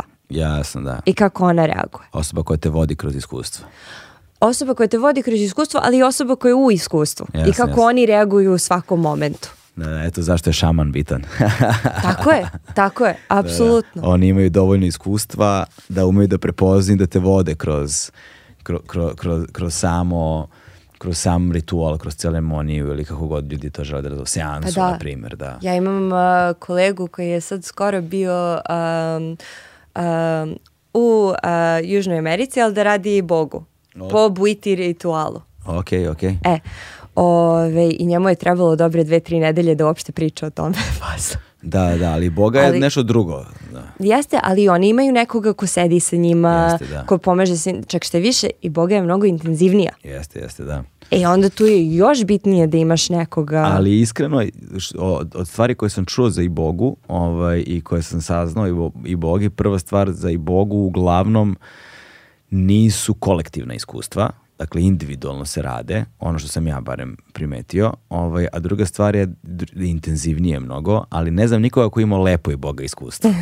Znaš, mislim da su i Boga iskustva uglavnom za svako ja znam bila do, vrlo intenzivna, vrlo intenzivna. korisna, vrlo korisna da. ali mračna u velikoj meri. Mm -hmm. Znaš. Ne, ne znam, ovaj, ali to je i Boga mi u velikoj meri, meri nepoznanica jer nije toliko dostupna koliko je recimo ayahuasca posljednjih, ne znam, desetak, 15 godina svakako. Pa dobro, a i drugo, jača je, to traje, da. to mislim, dobro i ajavaska traje, ali... Ne trekao i Boga, da. Ali ne trekao i Boga, tako je. Mislim, zato nema puno studija sa meskalinom. Mm, da. Ne zato što nas ne zanima. Da. Nas jako to zanima, ali on traje li traje li traje i to treba u, u eksperimentu organizovati. Neko treba da sedi sa tom osobom to, da da, da, da, da, toliko dugo ipak. Da, i treba naći dobrovoljce za sve to tako je, ostalog, da, tako i kontrolne je. grupe i tako dalje. Sve to je zanimljivo. Kako su se pokazali ovaj, um, uh, uh, kako, su, kako su se pokazali dakle Uh, kada govorimo o Santa Daime i kada govorimo o njihovim skenovima, koje su, kako, se, kako su se slike, odnosno ono što je snimljeno, ono što je skenirano pokazalo u odnosu na bez uticaja i sa uticajem. Ka, ka, šta, šta vidiš ono auto, odmah prve stvari koje vidiš u razlici?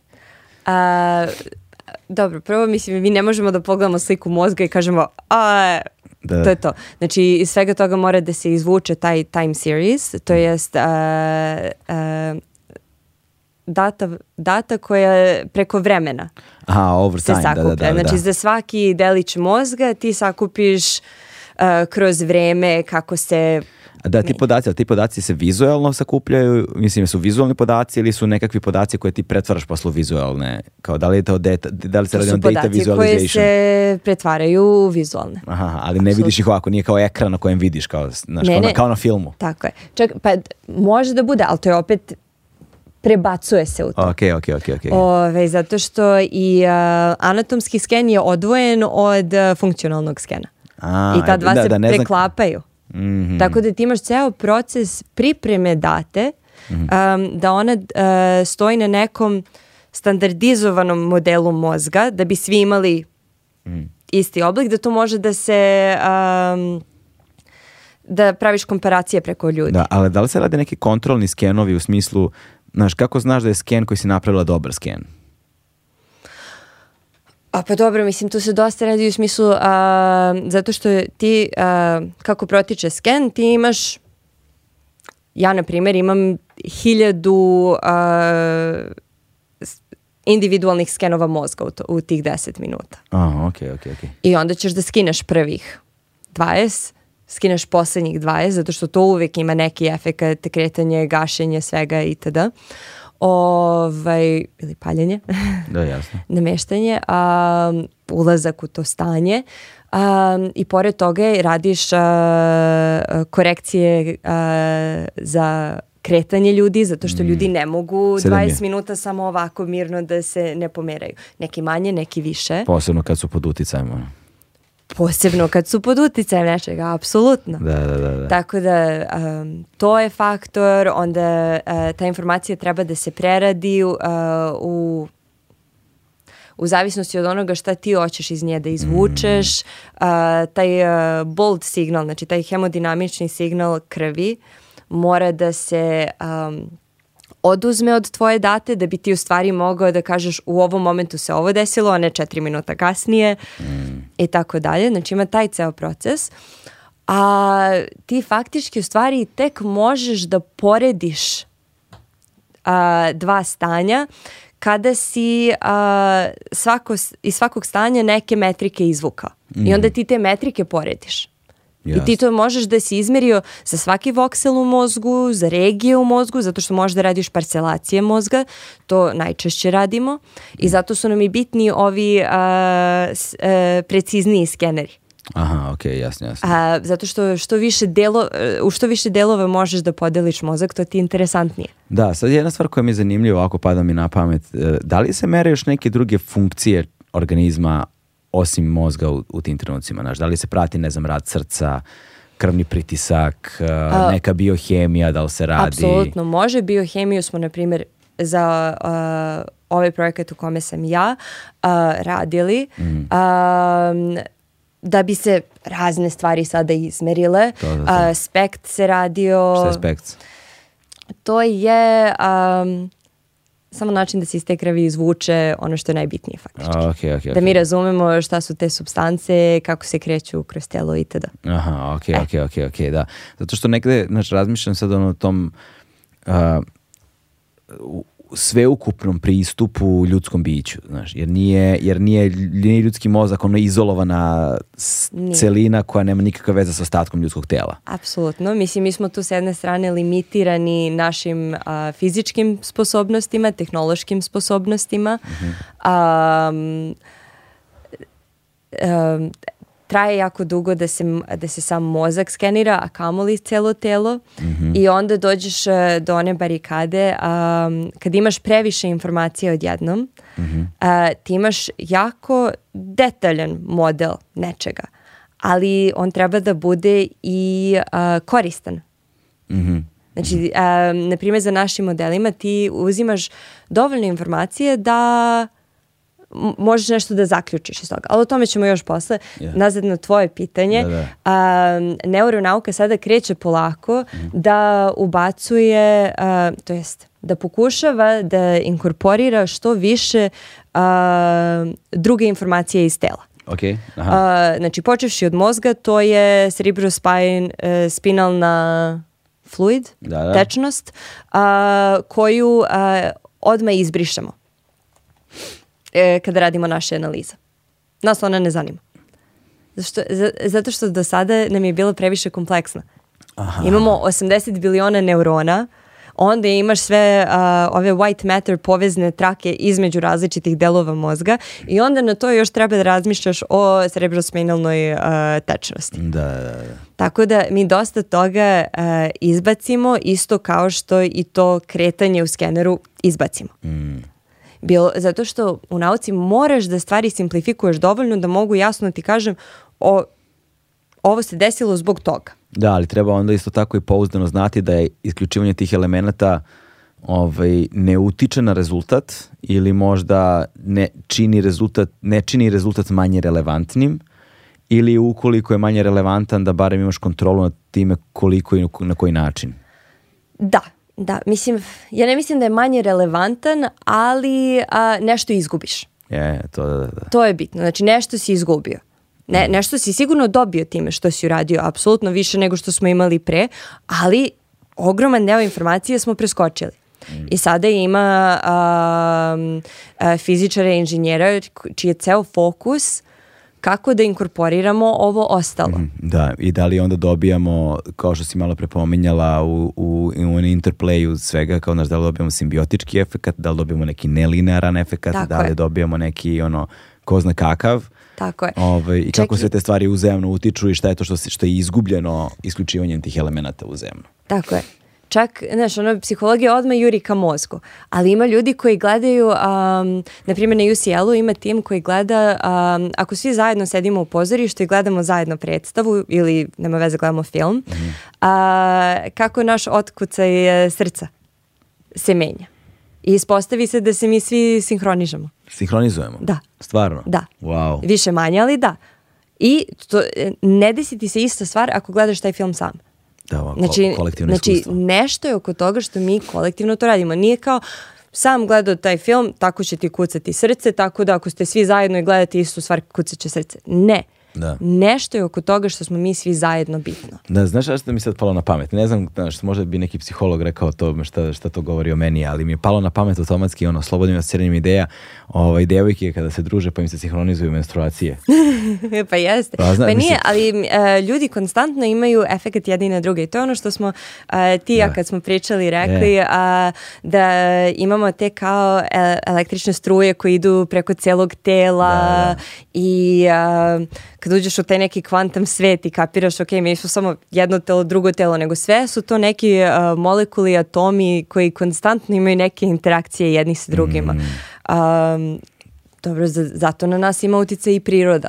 Jeste, da, mislim, zanimljivo je iz prostog razloga što sad, kad, kad širim dalje, razmišljam sad dalje, slo, dozvoljavam ono idejama da slobodno Aha. Ovaj, asociraju, ti za, zapravo mi se sinhronizujemo uzemno na mnogo različitih načina u životu kroz ono intenzitet druženja, komunikacije i tako dalje, dešava se ono što ljudi pripisuju ko zna čemu, ali znaš da recimo a, pomisliš na nekoga, u tom trenutku se taj neko pozove. yes. Zato što je taj neko isto pomislio na tebe. da, da. I da to ima nekakve veze sa nekom vrstom sinhronizacije u u kontekstu međuljudskog odnosa koji možda ne razumemo u potpunosti, ali koji nas čini nekako povezanim. I sad sve ova, sva ova iskustva i sve ovo što sada negde podaci pokazuju kroz istraživanja govore o tome da mi uh, da se mi kao ljudska bića negde sinhronizujemo na nekim nivoima nešto. Sad, šta to znači i znaš, kako se to dešava, ovaj, to je nešto drugo, otvoreno za interpretaciju. Dobro, a zato, na primjer, ima ljudi koji bi najradije da. u svom istraživanju,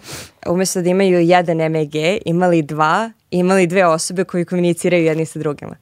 Aha, da, da vidimo koji je to efekt, zato što većina ovoga što radimo u neuronauci u smislu skenova, ti uđeš sam. Da, da, Sa da, da. EEG imaš neke situacije gde je to grupno i kolektivno, mm. um, ali sa ovim detaljnijim mašinama bi bilo bi mnogo cool. Da, da, da, zamisli da sad kao sedimo, da, da recimo dok se ceo ovaj razgovor dešava, ovaj podcast dok se dešava, da imamo ono dve kutije na glavama i dok mi komuniciramo da neko zapravo da. kupi podatke. Ali zamisli da uopšte nije komunikacija, zamisli samo gledamo jedno drugo. Da, i to je mogu. Da, vidiš. ili, ili zadatak nam je mimika. Mm. Šta ja uredim, ti urediš. Šta ti urediš, ja uredim. Šta mozak interpretira, kako se osjeća da. i to. Da, da, wow. Da, čoveče, znaš, koliko, koliko stvari, ono, ne, ne živimo dovoljno dugo da naučimo sve to, da nažalost, možemo samo da ostavimo nekim drugim amanet pa da vidimo šta će da se Jeste, sazna. ali to barem znači kogod hoće da uđe u nauku uvijek ćeš imati nešto novo da istražiš. Jeste, I da. nešto da. novo što je interesantno, što vredi razgledati. Da. Što... E sad, ovaj, malo pre si pomena, pomenula, dakle, dovoljan broj detalja koje moraš, da, možeš da sakupiš, moraš da sakupiš da bi mogla da zaključiš nešto iz njih. E, Znaš, kao treba, sa, znači ti sada kada sakupiš podatke, a, a, a, ti ti treba da sakupiš određen broj podataka, da ih organizuješ u nekakvu celinu da bi, i da bi iz njih izvukla neke zaključke. Znaš, kako ta, uh mhm. -huh. kako ta, ta sistematizacija izgleda. I, ovaj, I zanima me takođe dokle se stiglo sa onime što smo pominjali negde na početku, a to je kad već govorimo znači, ono, o sakupljenju podataka i pravim podataka sa tim kompjuterskim modelima. Uh -huh. um, pa evo, na primjer, na tu ideju dovoljno podataka. Znači, to je koliko će dugo neko, na primjer, biti u skeneru. Uh -huh. um, naši modeli su bazirani na određenim metrikama koje mi izvučemo iz te date. Mm a, znači, a, na primjer, ima ta metodologija koja se zove Inside Out, uh, igra na film, onaj sa emocijama. A, de... A, Inside Out animirani film. Da, da, da. da, da, da, da zato što moj profesor mol, mnogo voli te stvari. E, druga metodologija nazva, nazvao je Tenet. A, okej, okay, okej, okay, e. okej, okay, okej. On je kompleksniji. Da.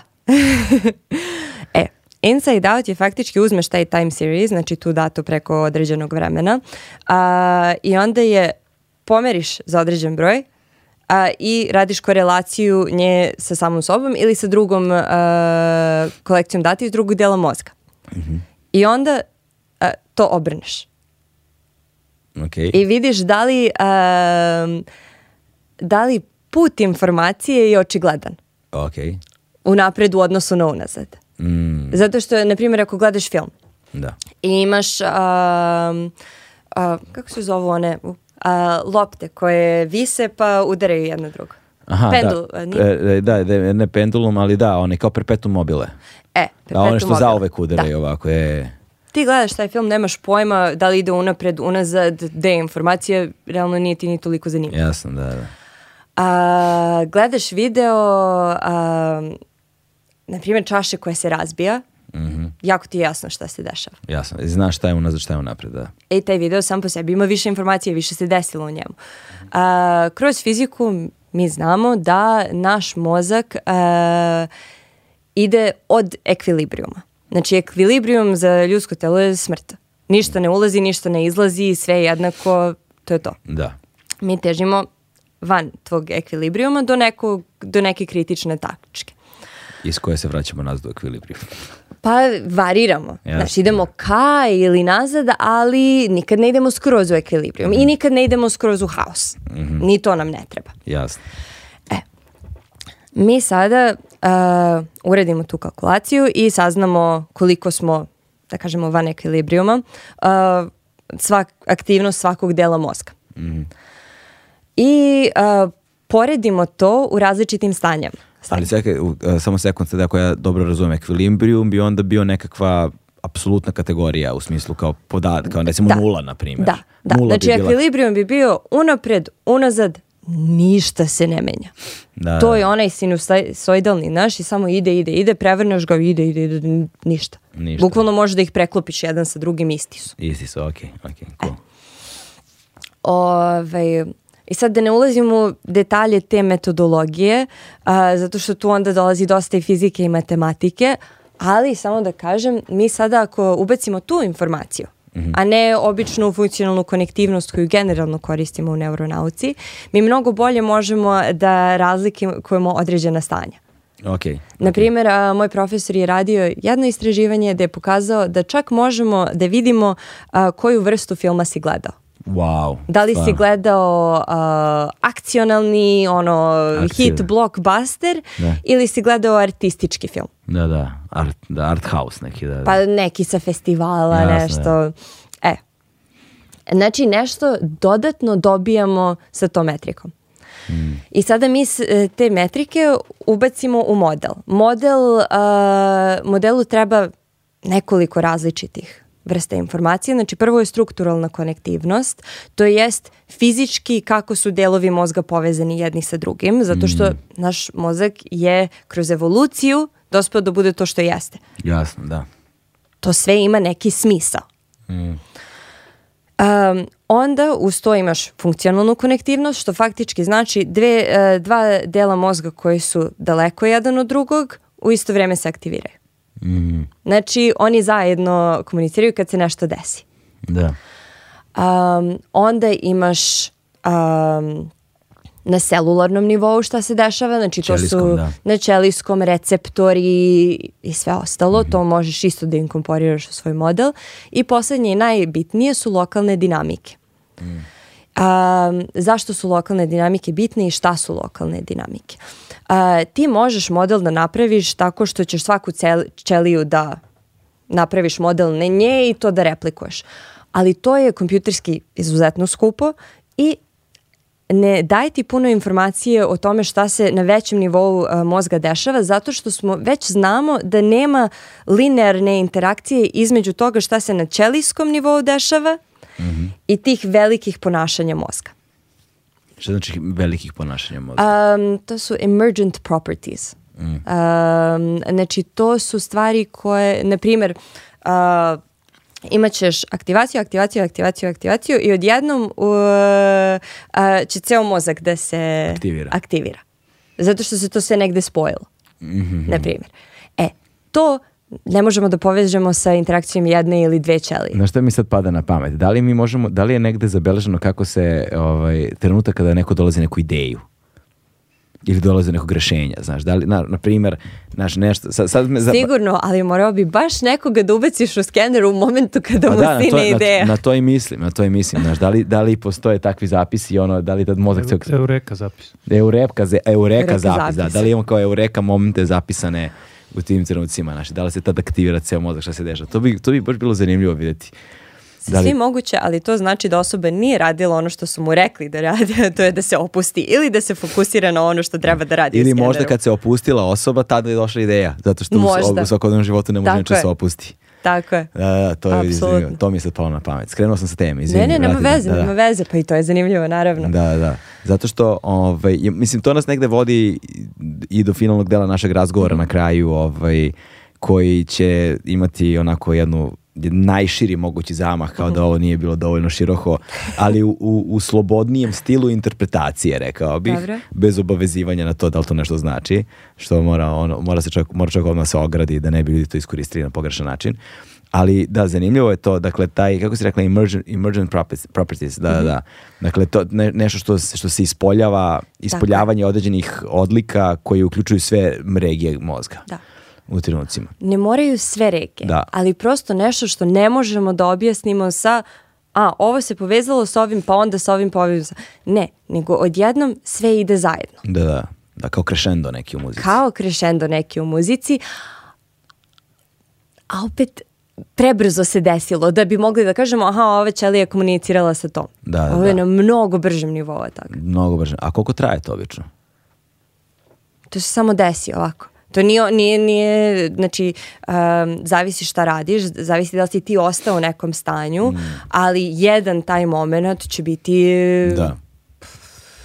par stotina milisekundi, mislim. Da, da, da, da, da. To je jako malo, to je samo ono kao puf. Da, i sad zanimljivo je, da li, da li možda imaš, ne znam da li imaš, prosto ne znam da li si uh -huh. radila studija, ali pitam te ovako podatke i da li je neko merio ovaj, ljude u meditativnim stanjima recimo u odnosu na halucinogena stanja, u odnosu na, ne znam, spavanje, u odnosu na, znaš, u toku, ne znam, REM faze ili šta god, ili, uh mhm. -huh. ili u toku, ne znam, rade, rade, rade nekim aktivnostima, ono, igranje šaha ili, ne znam, sklapanje Rubikove kocke lupetom, Aha. ovaj, uh, Zanima me da, da li znaš nešto o tome i kako se sad oni tu porede, znaš, šta je to što meditativno stanje postiže, na primjer, da li meditativno stanje može da postigne u skenu, recimo, iste rezultate kao neko ko, je na, ko, neko ko koristi halucinogene?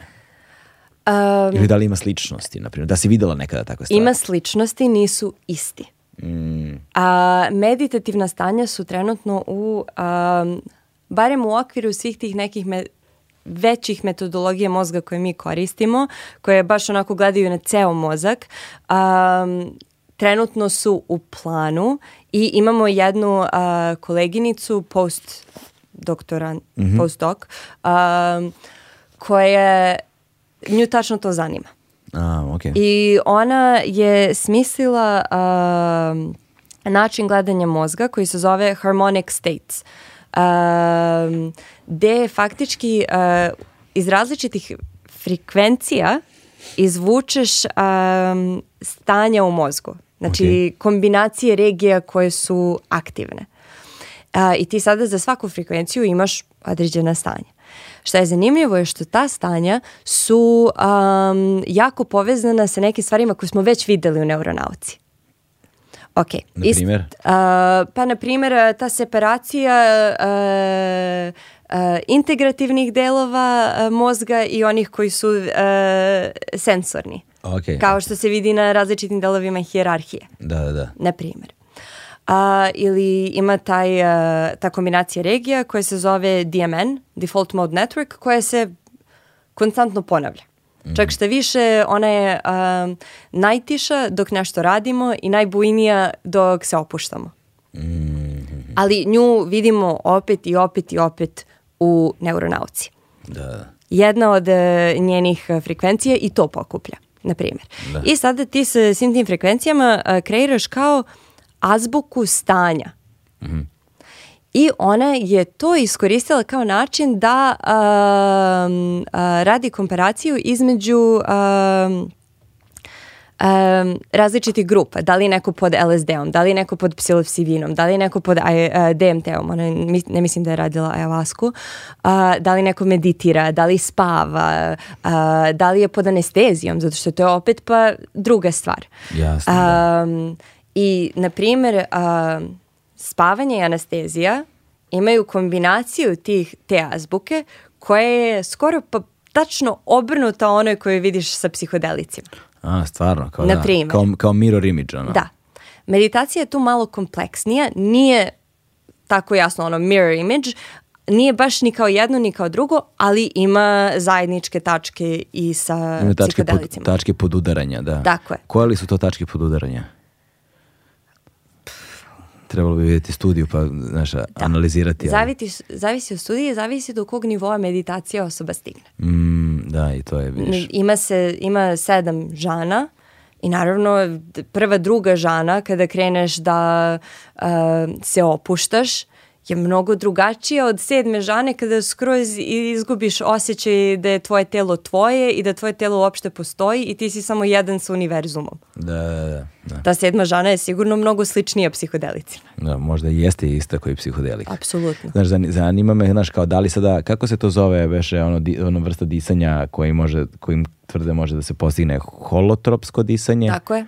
Da, tako je. holotropic breathing, tako je li tako, je. tako zove, da. Tako je. Ove, Znaš, da li sad neko radio recimo skenove, da li neko snimao ljude koji umeju tehnikama disanja da postignu određena stanja i kako mozak reaguje u tome. To bi bilo zanimljivo videti takođe. I uporediti, uporediti sa ovim drugim. Apsolutno. Ja ne znam tačno za disanje, ali znam za muziku mhm. jednog mm -hmm. čoveka, a, kolegu jednog, koji je gledao kada muzičari rade improvizaciju. Mm -hmm. a, e, kakvo je njihovo stanje u odnosu na psihodelike. Mm -hmm. I um, znači on je koristio uh, metriku entropije, znači te kompleksnosti u mozgu, tako da dobije uh, jedan broj. Okay. Što mu dosta olakša. S jedne strane, naravno, ljudska svest ne može da se izmeri, tako. izmeri u jedan broj, ali ti daje neku početnu tačku. Mm -hmm. Um, I zašto su psihodelici nama interesantni? Um, Zato što su oni prvi put da je entropija otišla iznad one u običnoj svesti. Mm -hmm. okay. Znači, do tog momenta bio si budan i radiš ili spavaš, u anesteziji si, u komisiji, šta god. Mm -hmm. Psihodelici su prvi otišli ovamo, na gore. Da, da, da. da uh, ekspert muzičari koji ulaze u taj neki flow state, da. a, gde se pogube, izgube pojam vremena, i, a, e, ono, znaš kad ljudi kažu idem da me muzika vodi, da, taj da, da, da. fazon, a, oni su negde između psihodelika i našeg e, običnog stanja. Da, da, na pola puta su. Znači, odu u, tu, u, tom, smeru. u tom nekom smeru, mm. sad mi ne znamo da li je to isti smer ili ista tendencija, zato što opet to je jedan broj. Da, da.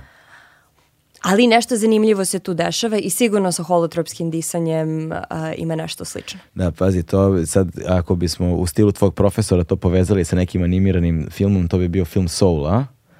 Definitivno bi bio Može. Soul film. Jesi gledala Soul? Jesam, e, da, jesam, da, to super je. je. To, je taj flow state. Ono.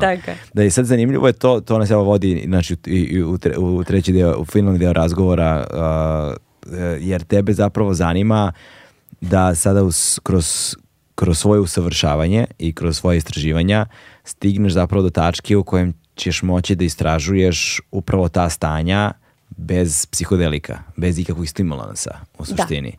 Da. Dakle, prirodu ljudskog stanja u kojem i da li postoji veza između ono meditacije, uh, flow da. state recimo uh, muzičara, matematičara, ljudi koji pisaca na primjer, nije važno, umetnika. Da, da. Znači ljudi koji uh, koji, koji rade nešto u a svi smo zapravo doživjeli to u nekom trenutku svog života, sigurno, ono, da, da radiš nešto i da izgubiš pojam o sebi, o vremenu, o svemu Tako i da, ono, samo se prostor i vreme prestanu da postoje zato što, si, zato što si ušla ili ušao nešto posebno. Tako je.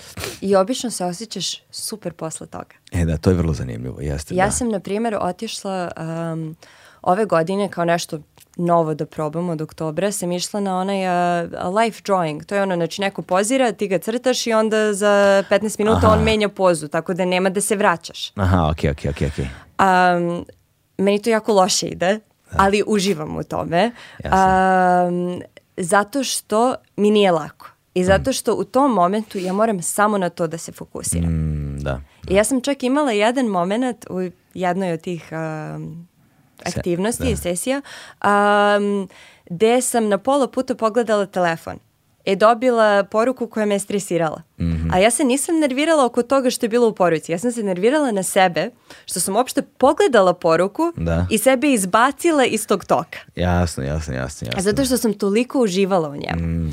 E sada, ja uopšte neću da kažem da je taj moj moment fokusa isti kao ono ekspert muzičar kad sebe izgubi u svom radu. Jasno, jasno, jasno. Daleko. Ali to me negde poguralo ima nečega tu. Da me zaintrigiraju te stvari. Da, da ima nečega tu. A onda, a onda poslično tome razmišljaš i znaš, koliko su onda telefoni izazvali ono promenu naših psihofizičkih stanja, Tako u životu je. inače. Tako je. Koliko su nam destabilizovali, oduzeli te trenutke da upadnemo u ono u, u da flow state. Da se fokusiraš na jednu stvar, da. Da upadamo u flow state ili upadamo u flow state scrollujući, ali koji ima kontraefekat.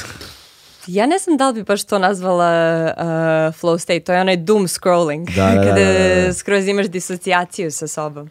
Da, da, da, da, da, pa da, istina i to što, i to što kažeš, nego samo ovako naš napamet razmišljam kao da li koliko... Meni bi to bilo više e, slično ono efektu ketamina nego psihodelicima. Da, da, da, da, da. da Na primjer. Da, da, da keyhole, ono, keyhole. Da, to je zanimljivo, zato što, sad, ono što je najfascinantnije u svemu tome jeste kada razgovaraš o ovim stvarima i kada zapravo počneš da meriš nešto i vidiš određene rezultate koji jesu fascinantni s jedne strane, pravilnosti koji jesu fascinantni s druge strane, nepoznanice koje su ono mistične uh mhm. -huh. na neki način, misteriozne, mistične, nepoznate, ovaj, i implikacije potencijalne nečega, interpretacije, shvataš da vrhunska umetnost, to tome smo pričali, vrhunska umetnost, vrhunska nauka i negde verovatno određeni stepen uh, E, religioznosti ili ne znam asketizma ili posvećenosti neke meditativnosti šta ti ja znam ovaj, se negde sreću sreću se u nekom vrhunskom nivou zapravo nema velike razlike među vrhunskom umetnošću vrhunskom promišljenjem i naš kao vrhunskom naukom. Oni se svi ulivaju jedni Je, i drugi. Prelivaju jedni da, iz drugih, zato da. što da. tebi treba filozofija za nauku, na primjer. Da. Tebi treba istorija za nauku, tebi treba nauka za filozofiju. Znaš, mislim, na, na kraju krajeva to su samo načini da istražujemo naše iskustvo na svetu. Da, da, da, da, jeste. E, da. I, i čak što više dođemo do te neke integracije tih stvari zato što skapiramo da ono što mi radimo nije dovoljno. Mm. Znaš, mislim, na primjer, a, pričali smo i o ovome malo, a, kada ljudi se fokusiraju na samo ono što je njihova ekspertiza, da, njih, da. njihov stručni, domen, da. njihova da. struka uh, i onda stignemo do onog momenta gde, ok, sad imamo super male, super detaljne detalje puzle koji neće zajedno da se spoje. Mm, da. I biologičari i hemičari više ne mogu da preklope neke stvari ok, mislim, jel to znači da ima nešto Izvim. više što treba još da istražimo ili znači da smo nešto propustili ili da smo nešto loše interpretirali mm. šta da. se tu desilo zato što na kraju krajeva ovo sve funkcioniše zajedno da, da, da, da naše telo je i fizika i hemija i biologija i psihologija i sve zajedno Jest. i filozofija i umetnost i... da, da i sva ta Tako da. iskustva da. negde na jednom mestu da. sustiču da. se u nama da. i mislim ja zato mnogo volim, zato sam izabrala da radim u našem centru, mm. zato što mi imamo matematičare, psihologe, neuronaučnike, antropologe, um, inženjere, um, imamo čak i um, artists in residence, znači umetnici koji su direktno povezani sa našim centrom, mm -hmm. uh, koji nama pomognu da neke stvari uh, sagledamo na drugi način, da smislimo neko pitanje koje možda nama ne bi uopšte palo na pamet da gledamo tako, zato što način na koji oni iskuse svet je drugačiji. Mm, da, i to što kažeš, jeste. Na primjer. Da, i osvetljavaju ti probleme iz novog ugla i imaju negde originalniji, autentičniji način pristupa. Ali to je vidiš zanimljivo, znaš, nešto što je originalno može da bude potpuno glupo, ne mora nužno da bude dobra stvar, originalnost je često i banalna, mm. ali isto tako je neophodna, jer kada je genijalna, to je onda to, znaš, samo da. što Da. Treba, treba doći do toga, putem pokušaja i pogrešaka, verovatno najčešće, što je vrlo zanimljivo. Ovaj, pošto mi imamo publiku i u Danskoj, da. ne znam koliko je velika, ali imamo, a, šta si rekla, tamo mogu da se prijave potencijalni dobrovoljci za, jesi Dansko rekla? Jeste, tamo, ok, tamo većinski se rade a, eksperimenti za muziku, mm -hmm. specifično, možda će biti nekih za psihodelike, nemam pojma. U Holandiji su psihodelici, ne? U Holandiji, u Holandiji rade sve. U Holandiji dakle, može im se rade sve.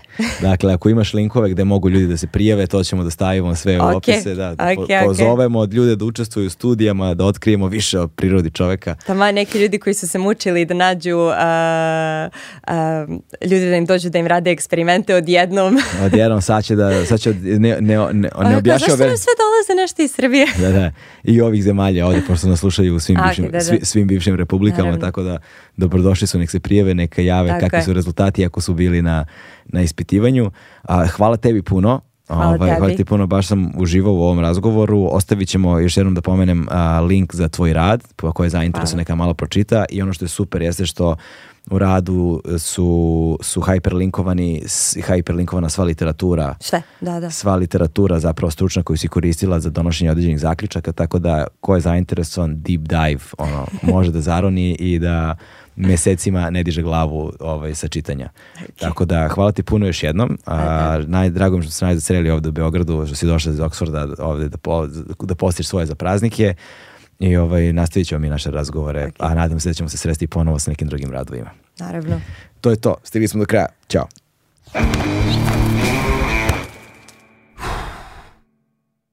Hmm.